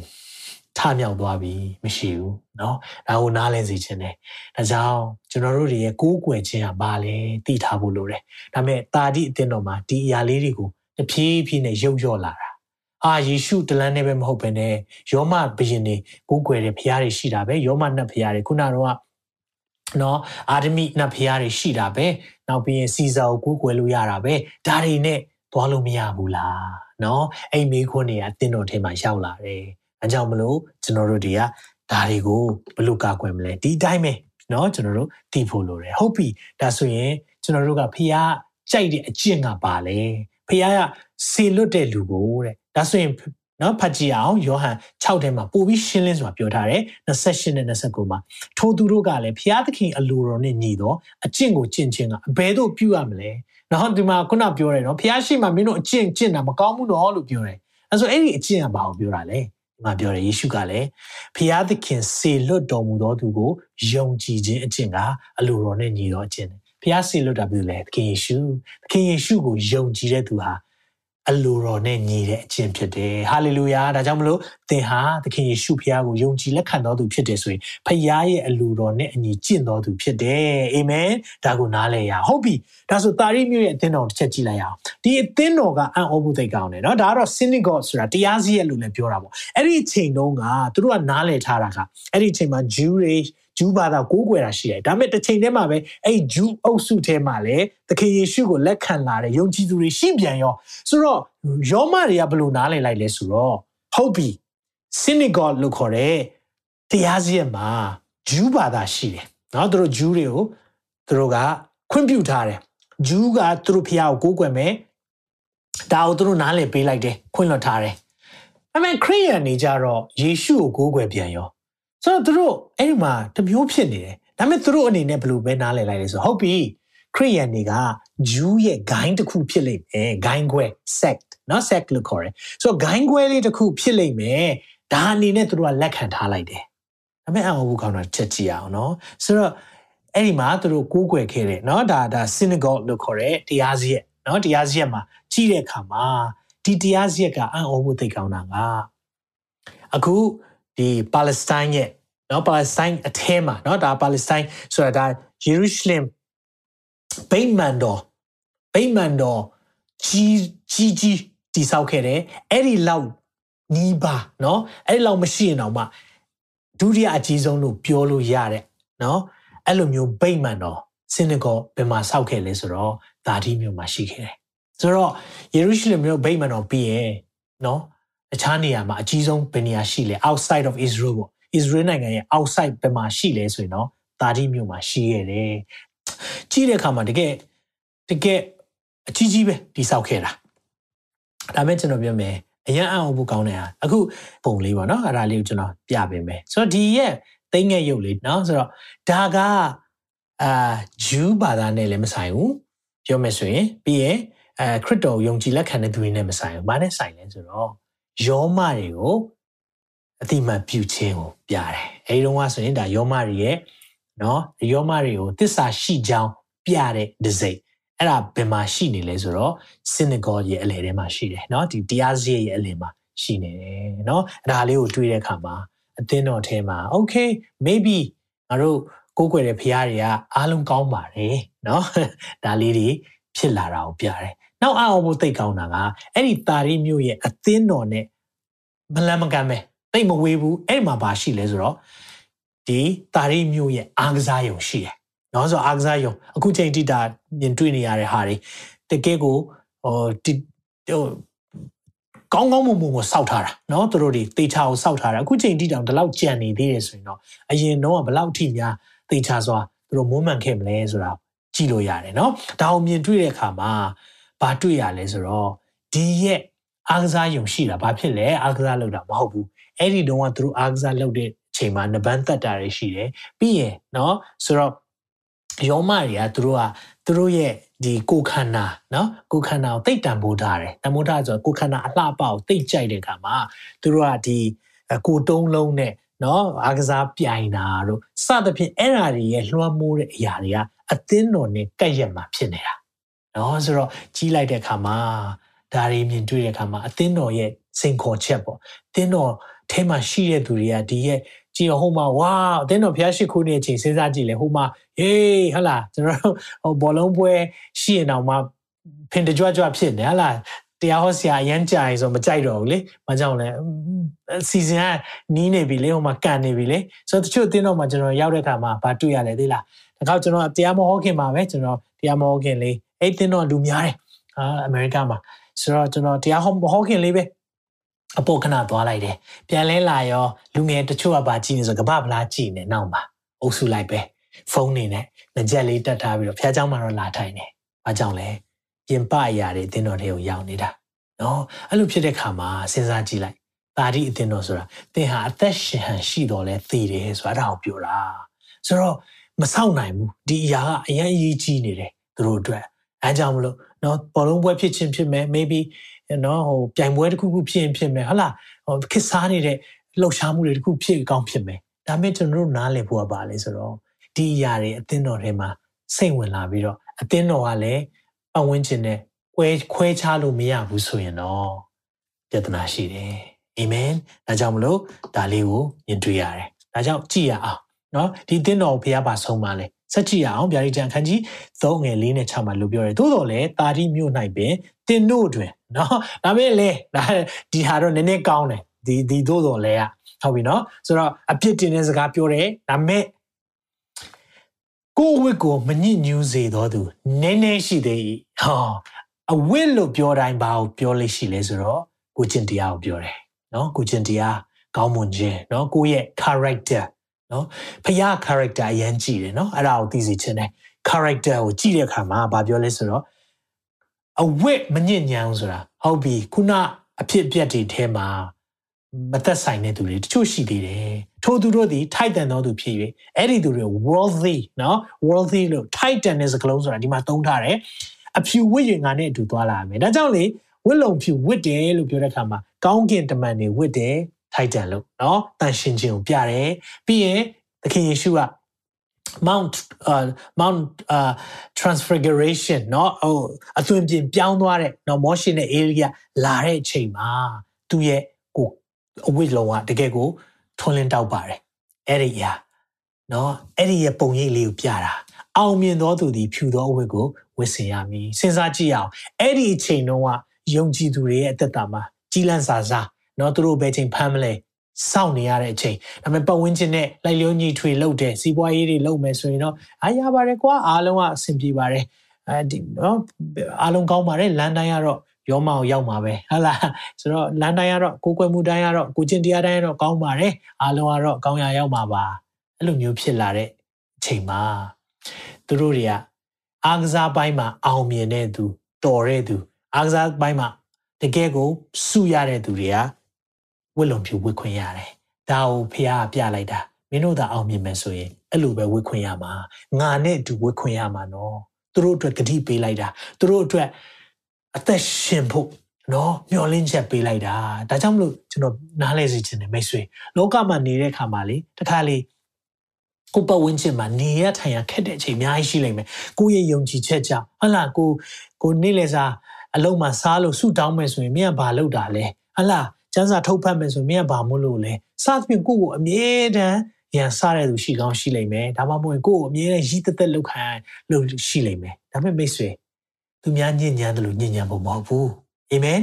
သူများညဉ့်ညမ်းတယ်လို့သူများအသက်ရှင်တယ်လို့သွားဖို့မဟုတ်ဘူးရေလိုက်ငားလိုက်နေဖို့မဟုတ်ဘူးလောကအရာတွေထဲမှာပျော်ပွားတော့လောကထဲမှာရှိတာဟုတ်တယ်ဒါပေမဲ့တင့်ထဲမှာလောကရှိလို့မရအောင်အာမင်အရင်ပတ်ကျွန်တော်ပြောပြီးပြီလောကထဲမှာအသင်းတော်ရှိတာဘာမှမဖြစ်ဘူး ဒါပေမဲ့အသင်းတော်ထဲမှာလောကရှိလာရင်တော့ပြဿနာရှိတယ်အာမင်ဒါကြောင့်မလို့ကျွန်တော်တို့ရဲ့အသက်တာမှာကြည်တဲ့အခါမှာဖခင်ကဘာဖြစ်စေချင်လဲဆက်ပြီးတော့သူဂရိပေးတဲ့အရာလေးတွေကြည်အောင်အောင်မြင်တော့သူလာပြန်ပြီနော်ဒီစကားလုံးခဏခဏသုံးတယ်သင်တော်တွေထဲမှာ overcomer ဒါမှမဟုတ်ရင် conqueror အောင်မြင်တဲ့သူတွေကဖြူသောအဝတ်ကိုဝေရမယ်ဒီနေ့ဒါကြောင့်မလို့ကောင်းကင်ကနေပြန်လာတယ်နော်ကောင်းကင်ကပြန်လာတယ်လို့ပြောတဲ့အခါမှာကျွန်တော်တို့ အာခြီဆောင်ခြင်းတွေပြီးပြီးတော့ဗျာဒိတ်၁၉ထဲမှာသခင်ယေရှုနဲ့ကျွန်တော်ဒုတိယအချိန်ကြွဆင်းလာတဲ့အခါမှာအားလုံးကဖြူသောဝိလုံတွေပဲဝတ်ကြတယ်။မကြောက်လဲအောင်မြင်တော်သူတွေအာမင်အဲ့ထဲမှာနောက်ဒီမှာသိအရေးကြီးတဲ့ချက်တခုတော့ကျွန်တော်ပြောမယ်။တော်တော်များများလဲဒီနှုတ်ကပတ်တော်သိနာမလဲကြအောင်။နော်ကျွန်တော်လဲနားလေတာမကြသေးဘူး။ဘာလဲဆိုတော့သင်ဤနာမကိုအသက်စာဆောင်မှငါသည်အလင်းမပဲအလင်းမပဲ အဲ့ဒီမှာကြည့်တဲ့အခါမှာငါခမဲတော်ရှေ့၌၎င်းကောင်းကင်တမန်တို့ရှေ့၌၎င်းသူဤနာမကိုငါဝန်ခံမိဟုတ်ပြီနော်အဲ့ဒီမှာကြည့်တဲ့အခါမှာအသက်စာဆောင်မှအလင်းမပဲဆိုတော့ I will not erase your name အဲ့လိုပြောတော့ဆရာဖခင်ကကျွန်တော်နာမည်ကိုထည့်လိုက်ဖြက်လိုက်ထည့်လိုက်ဖြက်လိုက်အဲ့လိုလုပ်တာလားကျွန်တော်နောင်တရတဲ့အချိန်မှာကောက်ထည့်လိုက်နောင်တမရတဲ့အချိန်မှာဖြက်လိုက်အဲ့လိုလုပ်တာလား နော်မေခွန်းနေခဏခဏမေးခံရတယ်အရင်တော့ဆိုရင်တော့အေးကောင်းကင်စာအုပ်ကတော့ခဏခဏ correction နေနဲ့လုပ်နေရမှာပဲစဉ်းစားစရာဖြစ်အသက်စာဆောင်ကြီးကအကုန်လုံးဟာလားကျွန်တော်တို့ white dot တွေနဲ့အကုန်လုံးဖြတ်ရမှာလားစဉ်းစားစရာရှိလာတယ်အဲ့လိုမဟုတ်ဘူးတကယ်တော့ယောမတွေရဲ့လက်အောက်မှာเนาะရှိတဲ့အချိန်ဒါကြောင့်ကျမ်းစာကိုနားလည်ခြင်းကျွန်တော်တို့တွေကပြန်ပြန်ပြီးတော့အဲ့ဒီခေတ်အခြေအနေကိုနားလည်ဖို့လိုတယ် ဆိုတော့မှတ်မိလားမသိမေရိုမာရီနဲ့ယောယောသတ်တို့ကငကောင်စင်းကောက်တယ်ဆိုတဲ့အခါမှာသူတို့မွေးရက်မြေကိုသွားရတယ်နော်မွေးရက်မြေကိုသွားပြီးမှအဲ့ဒီမှာဘက်အဲကြောင့်သူတို့ကနော်အာ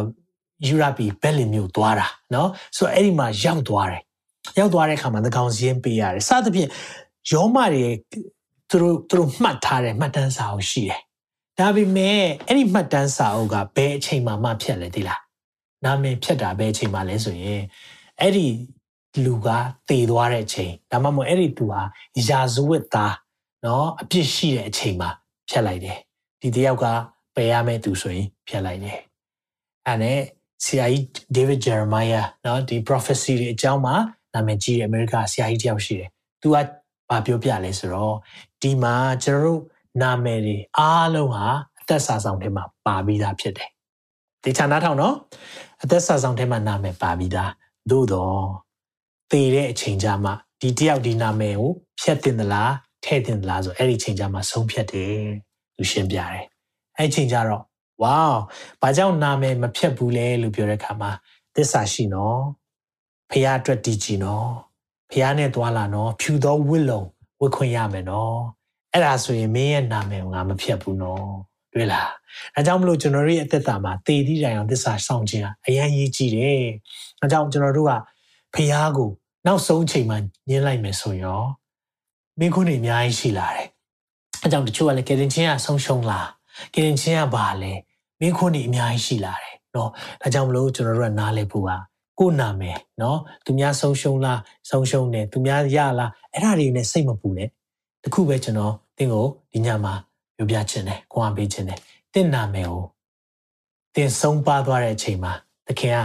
ဒီတယောက်တော့ဒီစောက်ထဲမှာအသက်ဆာဆောင်မှာမရှိသင့်ဘူးထင်တယ်လို့ဖြတ်တဲ့စီရင်ထဲမှာတော့ဒီနေ့ကျွန်တော်မပါဘူးရေးကြည့်တယ်အာမင်အဲ့ဒါပိုရေးကြည့်တယ်အဲကြောင့်ကျွန်တော်သူများနာမည်ပါလားကိုသူတို့နာမည်ပြတ်သွားပြီလားကျွန်တော်တို့တွေကအဲ့ဒါတွေကိုစိတ်ပူးပြီးတော့ဟို theological မေးခွန်းတွေပေါ့နော်ကေရင်ချီကမဆုံးရှုံးဘူးဆိုရင်ကတော့အပြစ်တွေကလှုပ်လို့ရလား စသဖြင့်မေးခွန်းတွေအများကြီးရှိလာတယ်နော်ဒါပေမဲ့ကျွန်တော်တို့ကဒီထက်နှုတ်ကပတ်တော်မှာလေ့လာတဲ့အခါမှာအသင်းတော်ခုနှစ်ခုမှာ၅ခုဒါဒီအသင်းတော်လည်းအပါဝင်ဖြစ်တယ်ဘာပြောလဲနောင်တရလောနောင်တရလောယုံကြည်သူတွေနောင်တရဖို့လိုလားလို့မေးခွန်းဒီယုံကြည်သူတွေကခရစ်တော်ကိုလက်ခံပြီးပြီပဲဘာလို့နောင်တရစရာလို့လဲသခင်ယေရှုကတော့အသင်းတော်ကိုပြောတာနော် အသင်းတော်ဆိုတာယုံကြည်သူတွေစုဝေးနေရအဲ့ဒီကလူတွေကိုဗာပြောလဲနောင်တရပါရှေးဦးမြတ်တာရော့ပြီလို့အေဖက်အသင်းတော်ပြောတယ်နောင်တရပါမင်းတို့အပေးယူလုပ်နေပြီဆိုပြီးတော့ပေရကန်အသင်းတော်ပြောတယ်နောင်တရပါမင်းတို့ဖောက်ပြန်နေပြီဆိုပြီးတော့နော်အသင်းတော်တွေကိုပြောတယ်ဒါကြောင့်ဒီကျွန်တော်နားလည်ဖို့ကဖះဘာကြောင့်ဒီစကားလုံးတွေသုံးလဲကျွန်တော်တို့ကိုပြုပြင်ခြင်းတာကျွန်တော်တို့အသက်တာမှာဖះနဲ့နေ့တိုင်းသွားလာစေချင်တာဒါကို तू က ပုံဖော်ထားတာဖြစ်တယ်ဆက်ပြီးတော့ကြည့်ရအောင်ဝိညာဉ်တော်သည်အသင်းတော်သူဟာဘယ်သို့မိန်တော်မူသည်ကို နားရှိသောသူမိသည်က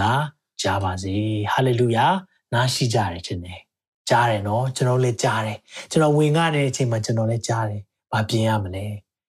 ကိုအဝက်ညဉ့်ညမ်းနေပြီလားဒါကြောင့်မလို့အဲ့ဒီမှာအဝက်လို့ပြောတဲ့အခါမှာဘာကိုပြောတာလဲကျွန်တော်ဒါလေးကိုရှင်းပြခြင်းတယ်ဒါကြောင့်မလို့ကောလောသဲဩဝါဒစာထဲမှာ ပေါလုရဲ့ဆုတောင်းချက်ရှိတယ်အသင်းတော်တွေအတွက်ယုံကြည်သူတွေအတွက်ဆုသူဆုတောင်းတဲ့ထဲမှာဘာတွေထည့်ပြီးသူရေးထားလဲဆိုတာကိုတစ်ချက်လောက်ကြည့်အောင်ကောလောသဲဩဝါဒစာခန်းကြီး1အငယ်30နဲ့17မှာဆုတောင်းသောအချက်ဟူကသင်တို့သည်ကောင်းသောအကျင့်အမျိုးမျိုးတည်ဟူသောဟောပြောပြီနော်ယုံကြည်သူတွေကောင်းသောအကျင့်ဆိုတာ ਨੇ ယုံကြည်သူဆိုတာအမြဲတွဲပြီးမြင်နေရမယ့်အရာဖြစ်တယ်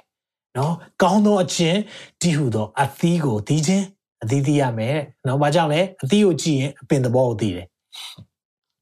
ဘုရားသခင်ကိုတည်သောဉာဏ်တိုးပွားခြင်းရှိသဖြင့်၎င်းဝမ်းမြောက်သောစိတ်နှင့်အရာရာကိုတီးခံခြင်းစိတ်ရှိခြင်းလုံးကဘုံကြီးသောတကူတော်အတိုင်းခွန်အားနှင့်ပြည့်စုံသဖြင့်၎င်းအဲ့မှာကျွန်တော် highlight လုပ်ထားပေးတယ်ခမဲတော်ဘုရားကြီးဂျေဇုတော်ကိုချီးမွမ်းလျက်ဘုရားရဲ့ grace နော် the grace of god ဘုရားရဲ့ဂျေဇုပြုတဲ့အရာကိုချီးမွမ်းလျက်ဘာလို့ပြောလဲသခင်ဘုရားနဲ့ထိုက်တန်စွာကျင့်၍အရာရာ၌နှစ်သက်တော်မူခြင်းက သခင်ဘုရားနဲ့ထိုက်တန်တဲ့အရာပါလေဘုရားနဲ့ထိုက်တန်တယ်ဆိုတာတန်ရှင်းခြင်းပေါ့ကျွန်တော်တို့တခါလေကြာရင်ကိုယ်အသက်တာမှာလိုအပ်ချက်များစွာရှိပါတယ်ကျွန်တော်ကိုယ်တိုင်အမှုတော်ဆောင်နေမှစရလိုအပ်ချက်များလူကမပြည့်စုံဘူးလေမှန်ပါတယ်ဒါပေမဲ့ဖះဘာပြောလဲဒီအရာတွေကို ထိုက်တန်စွာကျင့်ပြီးတော့အရာရာမှာနှစ်သက်ဖို့ပညာမျိုးမျိုးဓမ္မဉာဏ်မျိုးမျိုးအဖြစ်အလိုတော်ကိုအကုန်စင်နားလဲပါမိကြောင်းဆုတောင်းပတနာပြု၏အာမင်ကျောင်းငယ်တော့ဆိုရင်အမေကဒါတွေကြက်ခိုင်းတယ်ဘောလူရဲ့ဆုတောင်းချက်တယ်ဘာကြောင့်လဲလို့ပြောတဲ့အခါမှာကြည့်တဲ့အခါမှာအခုချိန်မှာပိုနားလဲလာတယ်သင်းတော်တွေထဲမှာဒါတွေအရင်လိုအပ်လာဘူးဒါတွေနားလဲတယ်ဒါကြောင့်ဂျေဇုတော်ကိုချီးမွမ်းပြီးတော့ဖေသခင်ဖျားနဲ့ထိုက်တန်စွာကြည်၍အာမင်အဲကြောင့်မလို့ဖျား ဖျားထဲမှာကျွန်တော်တို့ကလှုပ်ဆောင်စရာတွေအများကြီးရှိတယ်ပြောချင်တာကသခင်ဖျားနဲ့ထိုက်တန်စွာကြင့်မဲ့အရာတွေရှိတယ်အကျင့်နဲ့အသီးနဲ့ဒီအရာတွေကျွန်တော်တို့တွဲပြီးတော့မြင်နေဖို့လိုတယ်ဆိုတာကိုဖခင်ပြောသလိုယောမ73ထဲမှာဒါကျွန်တော်သဘောကျတဲ့နှုတ်ပတ်တော်ဖြစ်တယ်ဒီဟာနဲ့ပတ်သက်ပြီးတော့ချင်းလဲရှိတယ်နော်ယောမ73 17နဲ့14ထဲမှာထိုမှတပါငါတို့ကိုကယ်တင်သောယေရှုတော်သည်ငါတို့ယုံကြည်သောနေ့ရက်၌ နီးသည်ထက်ယခုသာ၍နီးနီးသောကြောင့်၎င်းညအချိန်ကုန်လူ၍နေ့အချိန်ရောက်လူသောကြောင့်၎င်းယခုအခါပါလေအိပ်ပျော်ရာမှာနိုးရသောအချိန်ရောက်ခဲ့ပြီအိပ်ပျော်ရမှနိုးဖို့ဖြစ်တယ်အာမင်အသင်းတော်တွေကိုအိပ်ပျော်ရမှနိုးဖို့ငါတို့သည်တည်၍အချိန်ကာလအချိန်ကိုထောက်၍မှောင်မိုက်အကျင့်ကိုပယ်ရှား၍အလင်းဤလက်နဲ့ဆုံးမှောင်မိုက်ရဲ့အကျင့်အလင်းရဲ့လက်နဲ့ဆုံး ကွဲကွဲပြားပြားကျွန်တော်တို့သိဖို့လိုတယ်နော်အသင်းတော်ထဲမှာမှောင်မိုက်ရဲ့အကျင့်တွေယူလာလို့မရဘူးအလင်းရဲ့လက်နဲ့ဆုံးနဲ့ကျွန်တော်တို့တွေကယူတင်ဝတ်ဆောင်ဖို့လိုတယ်ပွဲလုချင်းမတိမှဆိုလို့ရေးထားပေးတယ်ပွဲလုံခြင်းရစ်မျိုးတောက်ကျူးခြင်းမတရားသောမိထုံနိုင်မိဝဲခြင်းကိလေသာညှဉ်းညူးခြင်းရန်တွေ့ခြင်းဂုံပြိုက်ခြင်းအမှုတို့ကိုကျင့်ဆောင်၍နေ့အချိန်၌ကဲ့သို့တင့်တယ်လျှောက်ပွဲစွာကျင့်ဆောင်ပြုမှုကြကုန်ဒါတဲ့ညတွေလောက်တာလေနော်အလင်းရဲ့သားကြတော့အ မှောင်မိုက်သားကြတော့မှောင်မိုက်ထဲမှာခိုးလုတဲ့အရာလေးတွေရှိတယ်ဒါမဲ့နေ့အချိန်လိုပဲဒါတွေမလုပ်ပါနဲ့ငယ်ဆက်လေးဒီအရာပြောတာဖြစ်တယ်ဖះပြောတဲ့ဝစ်လုံးဘာဝစ်လုံးလဲသခင်ယေရှုခရစ်ကိုယူတင်ဝန်ဆောင်ပါသခင်ယေရှုကိုယူတင်ဝန်ဆောင်ကြတော့ကိုယ်ကာယဤတတ်မှတ်ခြင်းလို့ငါမကြံစီနဲ့တွေ့လားဆိုတော့ကျွန်တော်တို့ရဲ့ fleshly desire လို့ခေါ်တယ်ကျွန်တော်တို့ရဲ့ခန္ဓာကိုယ်ရဲ့တတ်မှတ်တဲ့အရာတွေကို မလုပ်ချင်ဟာသခင်ယေရှုကိုယူတင်ဝန်ဆောင်ခြင်းဖြစ်တယ်ဆိုတော့ဒီနှုတ်ဘတ်တော်တွေမှာတွေ့ရတယ်ဟုတ်ပြီအဲဆိုရင်ဒီနေ့နှုတ်ဘတ်တော်ဒါနဲ့အဆုံးသတ်မယ်เนาะတာရီမျိုးကိုသခင်ရဲ့စကား၅ခွန်းရှိတယ်เนาะကျွန်တော်လေ့လာတဲ့အခါမှာအားလုံးကိုကျွန်တော်တို့ခြုံကြည့်လိုက်တဲ့အခါမှာ၅ခွန်းရှိတယ်။ဘာလဲအပြစ်ကိုအပြစ်လို့ပဲမြင်ပါ။နော်ဒါရှင်းနေတယ်။ကျွန်တော်အပြစ်ကိုအပြစ်လို့မမြင်ဘူးဆိုရင်ဂျေဇုတော်အလွယ်သုံးစားလုပ်တတ်တယ်။ဂျေဇုတော်အောက်မှာအပြစ်လုပ်လို့ရပြီဆိုတဲ့သွန်သင်ချက်တွေထဲမှာကျွန်တော်မျောသွားတတ်တယ်။ အဲကြောင့်အပြစ်ဟာအပြစ်ပဲ။တန်ရှင်းခြင်းဟာတန်ရှင်းခြင်းပဲ။အဲကြောင့် holy holy holy set apart တီးတန့်ဖယ်ထားခြင်းတီးတန့်ဖယ်ထားခြင်း holy people ယုံကြည်သူများအသက်ရှင်သူဖြစ်တယ်ဆိုတာတီးတန့်ဖယ်ထားတော်သူတွေဖြစ်တယ်။အဲဒါအဖြစ်ကိုအဖြစ်လို့ပဲမြင်။နံပါတ်1ယုံကြည်ခြင်းမှာယက်တီပါ။ကိုယ့်ရဲ့ယုံကြည်ခြင်းကနော်ခရစ်တော်ဟာကယ်တင်ရှင်ဖြစ်တယ်။ခရစ်တော်အားဖြင့်သာနော်သွားနိုင်မယ်ကာရိုင်လန်တစ်ခုတည်းပဲရှိတယ်ဆိုတာကိုယုံကြည်တယ်ဆိုရင်အဲ့ဒီယုံကြည်ခြင်းမှာယက်တီပါ။ ပြီးရင်တန်ရှင်သောဝိညာဉ်တော်ရဲ့လမ်းပြမှုနောက်လိုက်ပါအာမင်ဝိညာဉ်တော်ရဲ့လှုပ်ဆောင်ချက်ရှိတယ်အသင်းတော်တွေထဲမှာမိမိရဲ့အသက်တာထဲမှာဝိညာဉ်တော်ရဲ့လမ်းပြဥဆောင်ခြင်းနောက်မသွားဘူးဆိုရင်တော့သင်ဟာအသက်ရှင်ဟန်ရှိတော်လဲသိတယ်လို့သခင်ကမြင်တယ်။ဒါကြောင့်တန်ရှင်သောဝိညာဉ်တော်နဲ့သွာလာတတ်ပါစေ။တမာတတိရှိပါ။နော်အိမ်ငိုင်းနေလို့မရဘူး။မြို့ရိုးပြိုပြက်သွားတယ်။နော်မြို့ရိုးတိုက်သွားတယ်။ဘာကြောင့်လဲ။ကင်းသဘာအိမ်ငိုင်းတယ်။နော်ထုံဒီ၎င်းပဲကျွန်တော်ရဲ့ မိသားစုကတင့်ကိုအိမ်မှာကင်းဆောင်အနေနဲ့ထားထားလား။တရားကင်းဆောင်ဆိုတာဆူတောင်းခြင်းအဖြစ်ထားရဲဆိုရင်ကင်းဆောင်ပါ။နိုင်မီအိပ်ပျော်ခြင်းမရှိပါနဲ့။တမာတတိနဲ့ရှိပါ။ပြီးအရေးကြီးဆုံးစကားပါလဲ။နောင်တရပါ။ကျွန်တော်လှုပ်ဆောင်တဲ့ဟာမှာယွန်းခြင်းတွေရှိလားရှိတတ်ပါတယ်။ဒါကြောင့်လည်းဖေကနောင်တဆိုတဲ့အရာနဲ့ကျွန်တော်တို့ကိုအမြဲတမ်းလမ်းပြန်ဖွင့်ပေးတယ်။အာမင်။လမ်းပြန်ဖွင့်ပေးတယ်။ကျွန်တော်သွားနေတဲ့လမ်းမှာယွန်းသွားတတ်တယ်။အခါလေး မှန်နေတဲ့ဖေကဖေကဖက်ကိုပဲဥတီသွားတယ်။ဒါပေမဲ့အပြစ်လုပ်ပြီးဆိုရင်အမြဲတမ်းလမ်းလွဲသွားတာ။အဲ့ချိန်မှာနောင်တဆိုတာဟာလမ်းမှန်ပေါ်ပြန်တင်ပေးတာ။အဲကြောင့်ကျွန်တော်တို့တွေဟာအမြဲတမ်းပြစ်လုံးမိတယ်တခုခုဖြစ်သွားတယ်နော်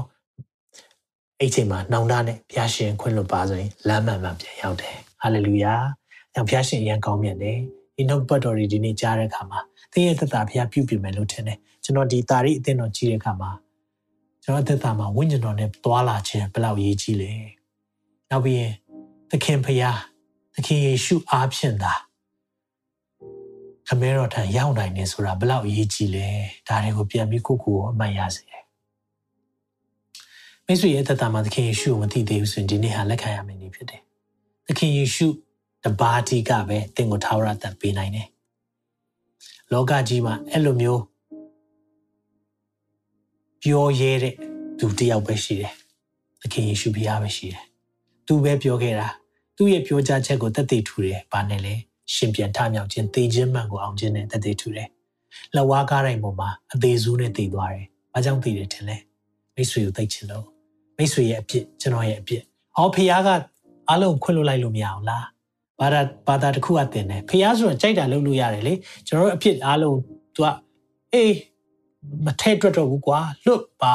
။ဒါဆိုရင်ဖះကိုတင်ပါခေါ်လိုက်တာဟုတ်သေးလား။ဖះဟာဖြောက်မှတ်တော်သူမဟုတ်ဘူးလို့ခေါ်လိုက်တာ။မတရားတော်သူလို့ခေါ်လိုက်တာ။ဖះကဘာပြောထားလဲသိလားအပြစ်တရားရဲ့ခါသိခြင်းတန့်ရှင်းတဲ့ဖះနဲ့အပြစ်နဲ့တွဲလို့မရအောင်အဲကြောင့်အပြစ်ရှိရဆိုဖះစီကိုစီရင်တယ်ဒါပေမဲ့ကျွန်တော်တို့တွေကိုမစီရင်ဘူးဘု து ပေါ်စီရင်လိုက်လဲကျွန်တော်တို့ရဲ့အပြစ်အားလုံးကိုသခင်ယေရှုခရစ်တော်ပုံမှာထားပြီးတော့ကားတိုင်းပေါ်မှာအ ပြစ်ကိုစီရင်လိုက်တယ်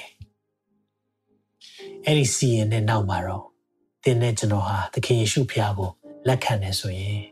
ထာဝရအသက်ရတယ်။ဒါကြောင့်ဘုရားငါသည်လမ်းခီးတမန်တရားအသက်ဖြစ်တယ်။ငါကိုယုံကြည်တော်သူခမဲတော်ထံကိုရောက်မယ်။ဘုရားတလို့ပြောထားတာ။ तू တလန်းနဲ့ပဲသွားလို့ရတယ်။ငါကလွယ်လို့တခြားလမ်းမရှိဘူး။မိတ်ဆွေတို့ဒီနေ့ပြောမယ်။ချစ်လို့ပြောတာဖြစ်တယ်။ ဘာသာတိုင်းကောင်းလား။အပေါ်ယံကြည့်ရင်ကောင်းပါတယ်။ချစ်ချင်းမြတ်တာကိုသွန်သင်လား။သွန်သင်ပါတယ်။ပေါ်ယံကြည့်ရင်ဒါပေမဲ့တကယ်တမ်းကျွန်တော်တို့လိုအပ်တာကဝိညာဉ်အဲ့ဒီဝိညာဉ်ကျွန်တော်စာတွေဘာမလုပ်ရညာမလုပ်ရလောပေးလို့ရတယ်ကျွန်တော်တို့လည်းပေးထားတယ်ဂျူးတွေဆိုလည်းဒီနေ့အထိ673ခုကင်ဆွဲနေတော့မယ်ဒါပေမဲ့အဲ့ဒါတွေကိုလူကမလိုက်ရှောင်နိုင်ဘူး တစ်ချိန်ချိန်မဟုတ်တစ်ချိန်မှာတော့ချိုးဖြတ်တာပဲဒါကြောင့်ကားတိုင်းဆိုတဲ့အရာလဝါကတိုင်းဆိုတာတင်းနဲ့ကျွန်တော်ရဲ့အပြစ်ခွင့်လွတ်တဲ့နေရာဖြစ်တယ်ကြောင့်သင်ယုံကြည်ခြင်းနဲ့ကယ်တင်ခြင်းပါလေသခင်ယေရှုရဲ့အသေးခံခြင်းကျွန်တော်အပြစ်ကြောင့်ဖြစ်တယ်ကျွန်မအပြစ်ကြောင့်ဖြစ်တယ်ဆိုတာကိုလက်ခံပြီးတော့အပြစ်ခွင့်လွှတ်ပေးပါယေရှုတင်နေနောင်တရတယ်ဆိုရင်တရားကယ်တင်ခြင်းရတော်သူဖြစ်တယ်အာမင်အနာဆုတောင်းပေးပါရစေ တရှင်တော်ဖျားနာမတော်ချီးမွမ်းနေဒီနေ့ညမှာလဲလဝကရန်ရဲ့လေးနဲ့တဲ့အကြောင်းနဲ့အတူတရှင်တော်ဝိညာဉ်တော်ရဲ့ဆောင်မခြင်းတာရီအသင်းတော်ရဲ့သင်ခန်းစာများလေ့လာရလို့ယေရှုတင်တယ်ကျွန်တော်သက်တာမှာတခြားလမ်းနဲ့ကိုရောစီမရောက်နိုင်ဘူးဘုရားသခင်ဆေလွတ်တဲ့သူကိုယုံကြည်တော်သူဟာဘုရားလူတော်နဲ့အညီကျင့်တော်အချင်းရှိတယ်လို့ပြောတဲ့အတိုင်းပဲသခင်ယေရှုကိုလက်ခံပါတယ်ယုံကြည်ပါတယ်ဒီထဲမှာကြည်နေတဲ့ဓမ္မမိတ်ဆွေများကလည်း ကိုရောကိုယုံကြည်ခြင်းနဲ့ဆိုရင်ဒီနေ့မှာတန်ရှင်တော်ဝိညာဉ်တော်ဘုရားတို့ရဲ့နှလုံးသားကိုနှိုးဆွပေးပါသူတို့နှလုံးသားထဲမှာသူတို့ရဲ့မှားခဲ့တဲ့အရာအားလုံးကိုမြင်အောင်စေပါဒါပေမဲ့အဲ့ဒီမှာမပြီးသွားပဲနဲ့သူတို့အမှားအားလုံးကိုခွင့်လွတ်နိုင်တဲ့ဖခင်ရှိတယ်အဲ့ဒီဖခင်သည်သခင်ယေရှုဖခင်ဖြစ်ပြီးတော့ဒီအမှားအားလုံးအတွက်လဝါကတိုင်ပေါ်မှာစီရင်ချက်ချပြီးပြီအမှုပြီးပြီလို့ကြွေးကြော်တဲ့အရာဟာလူသားအားလုံးအတွက်ဖြစ်တယ်ဆိုတော့နားလဲစေပါ ဖျားသခင်သားတော်ကိုယုံကြည်တော်သူပေါင်းတို့သည်ပျက်စီးခြင်းတို့မရောက်ထာဝရသက်ကိုရစေခြင်းကဖျားသခင်သည်မိမိ၌ရှိတော်တပါးသည်တော်သားတော်ကိုစွန့်တော်မူသည့်တိုင်အောင်လောကီသားတော်ကိုချစ်တော်မူ၏လို့ပြောတဲ့အတိုင်းပဲဘုရားကျွန်တော်တို့ကိုချစ်တဲ့အရာကိုရောကိုယုံကြည်မဲ့သူအားလုံးအတွက်နဝကတိုင်းတရားဟာခွင့်လွှတ်ခြင်းတရားကောင်းမွန်တဲ့တရားအပင်ငရဲကိုကြော်လွှားနိုင်တဲ့တရားဖြစ်ကြောင်းကိုနားလည်စေပါဒီ online မှာကြည့်ရှုနေတဲ့ခရိယန်ဓမ္မမိတ်ဆွေအားလုံးကိုလည်းဆုတောင်းပေးပါတယ်ဘရောယုံကြည်သူများအိပ်ပျော်နေတဲ့သူများကိုလည်းဒီနှုတ်ပတ်တော်အဖြစ်နိုးထရခွင့်ပေးပါ online မှာကြည်နေသူအားလုံးပေါ်မှာတန်ရှင်းသောဝိညာဉ်တော်ဗျာကိုရောရဲ့အမှုဆောင်ခြင်းခုနှစ်ခုလုံးကိုနားလည်စေပါကိုရောကိုယ်တိုင်အသင်းတော်ရဲ့လမ်းပြတော်သူအသင်းတော်ကိုဥဆောင်တော်သူဖြစ်စေပါအသင်းတော်တွေမှာကိုရောကိုနေရာမပေးခဲ့တဲ့အရာတွေ ညင်ညူသောစကားကိုပြောပြီးတော့ကိုရောကိုစိတ်နာစေတဲ့စကားလုံးများရှိရင်လေခွင့်လွှတ်ဖို့ရန်အတွက်ဒီနေရာမှာပြင်းများအလုံးကိုဝင်ချတောင်းပန်နေဝိညာဉ်အရှင်ကိုငြိမ်းစေတဲ့အရာများရှိရင်လည်းဝင်ချတောင်းပန်နေကိုရောဒီနေ့ကိုရောကြီးမားသောအမှုကိုပြုပါတင်းတော်တိုင်းကိုနှုတ်ကပတ်တော်တမန်တရားနဲ့တွေးဆောင်ပါယက်တီပါကိုရောဂျေဇုတင်တယ်လောကရဲ့ခက်ခဲချင်းကာလထဲမှာရောက်လာတဲ့အခါမှာတာ၍ကိုရောကိုကိုး စားတတ်ပါမိကြောင်းတင်းတော်အသီးသီးကိုကိုရောကောင်းချီးပေးမှသာပို့ဆောင်ပါယေရှုရဲ့မြတ်သောနာမ၌စက္ကန့်နဲ့ဆုတောင်းကြပါ၏ပါအာမင်အာမင်ရောက်စီတိုင်းဖျားရှင်ကောင်းချီးပေးပါစေအာမင်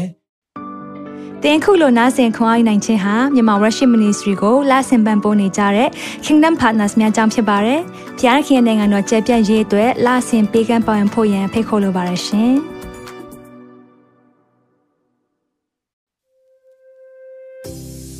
ကြားနာခဲ့ရတဲ့နှုတ်ပတ်တော်အဖြစ်ခွန်အားရရှိမဲ့လို့ယုံကြည်မျှော်လင့်ပါတယ်။ခွန်အားရဆိုလို့ရှိရင်ဒီတစ်ပတ်နဲ့ပြန်လည်ဝင်မြပေးဖို့ရန်တောင်းဆိုပါရစေ။မြန်မာ Worship Ministry ရဲ့ website myanmarworship.com ကိုလည်းလာရောက်လေ့လာဖို့ရန်အတွက်ဖိတ်ခေါ်ချင်ပါတယ်။တစ်ချိန်တည်းမှာမြန်မာ Worship Ministry ရဲ့ social media platform များဖြစ်တဲ့မြန်မာ Worship YouTube Channel, မြန်မာ Worship Facebook Page နဲ့မြန်မာ Worship Instagram များကိုလည်းလာရောက်လေ့လာဖို့ရန်အတွက်ဖိတ်ခေါ်ချင်ပါတယ်။နောက်တစ်ချိန်မှာပြန်လည်ဆုံတွေ့ကြပါစို့။ဖျားရှင်ကောင်းကြီးပေးပါစေ။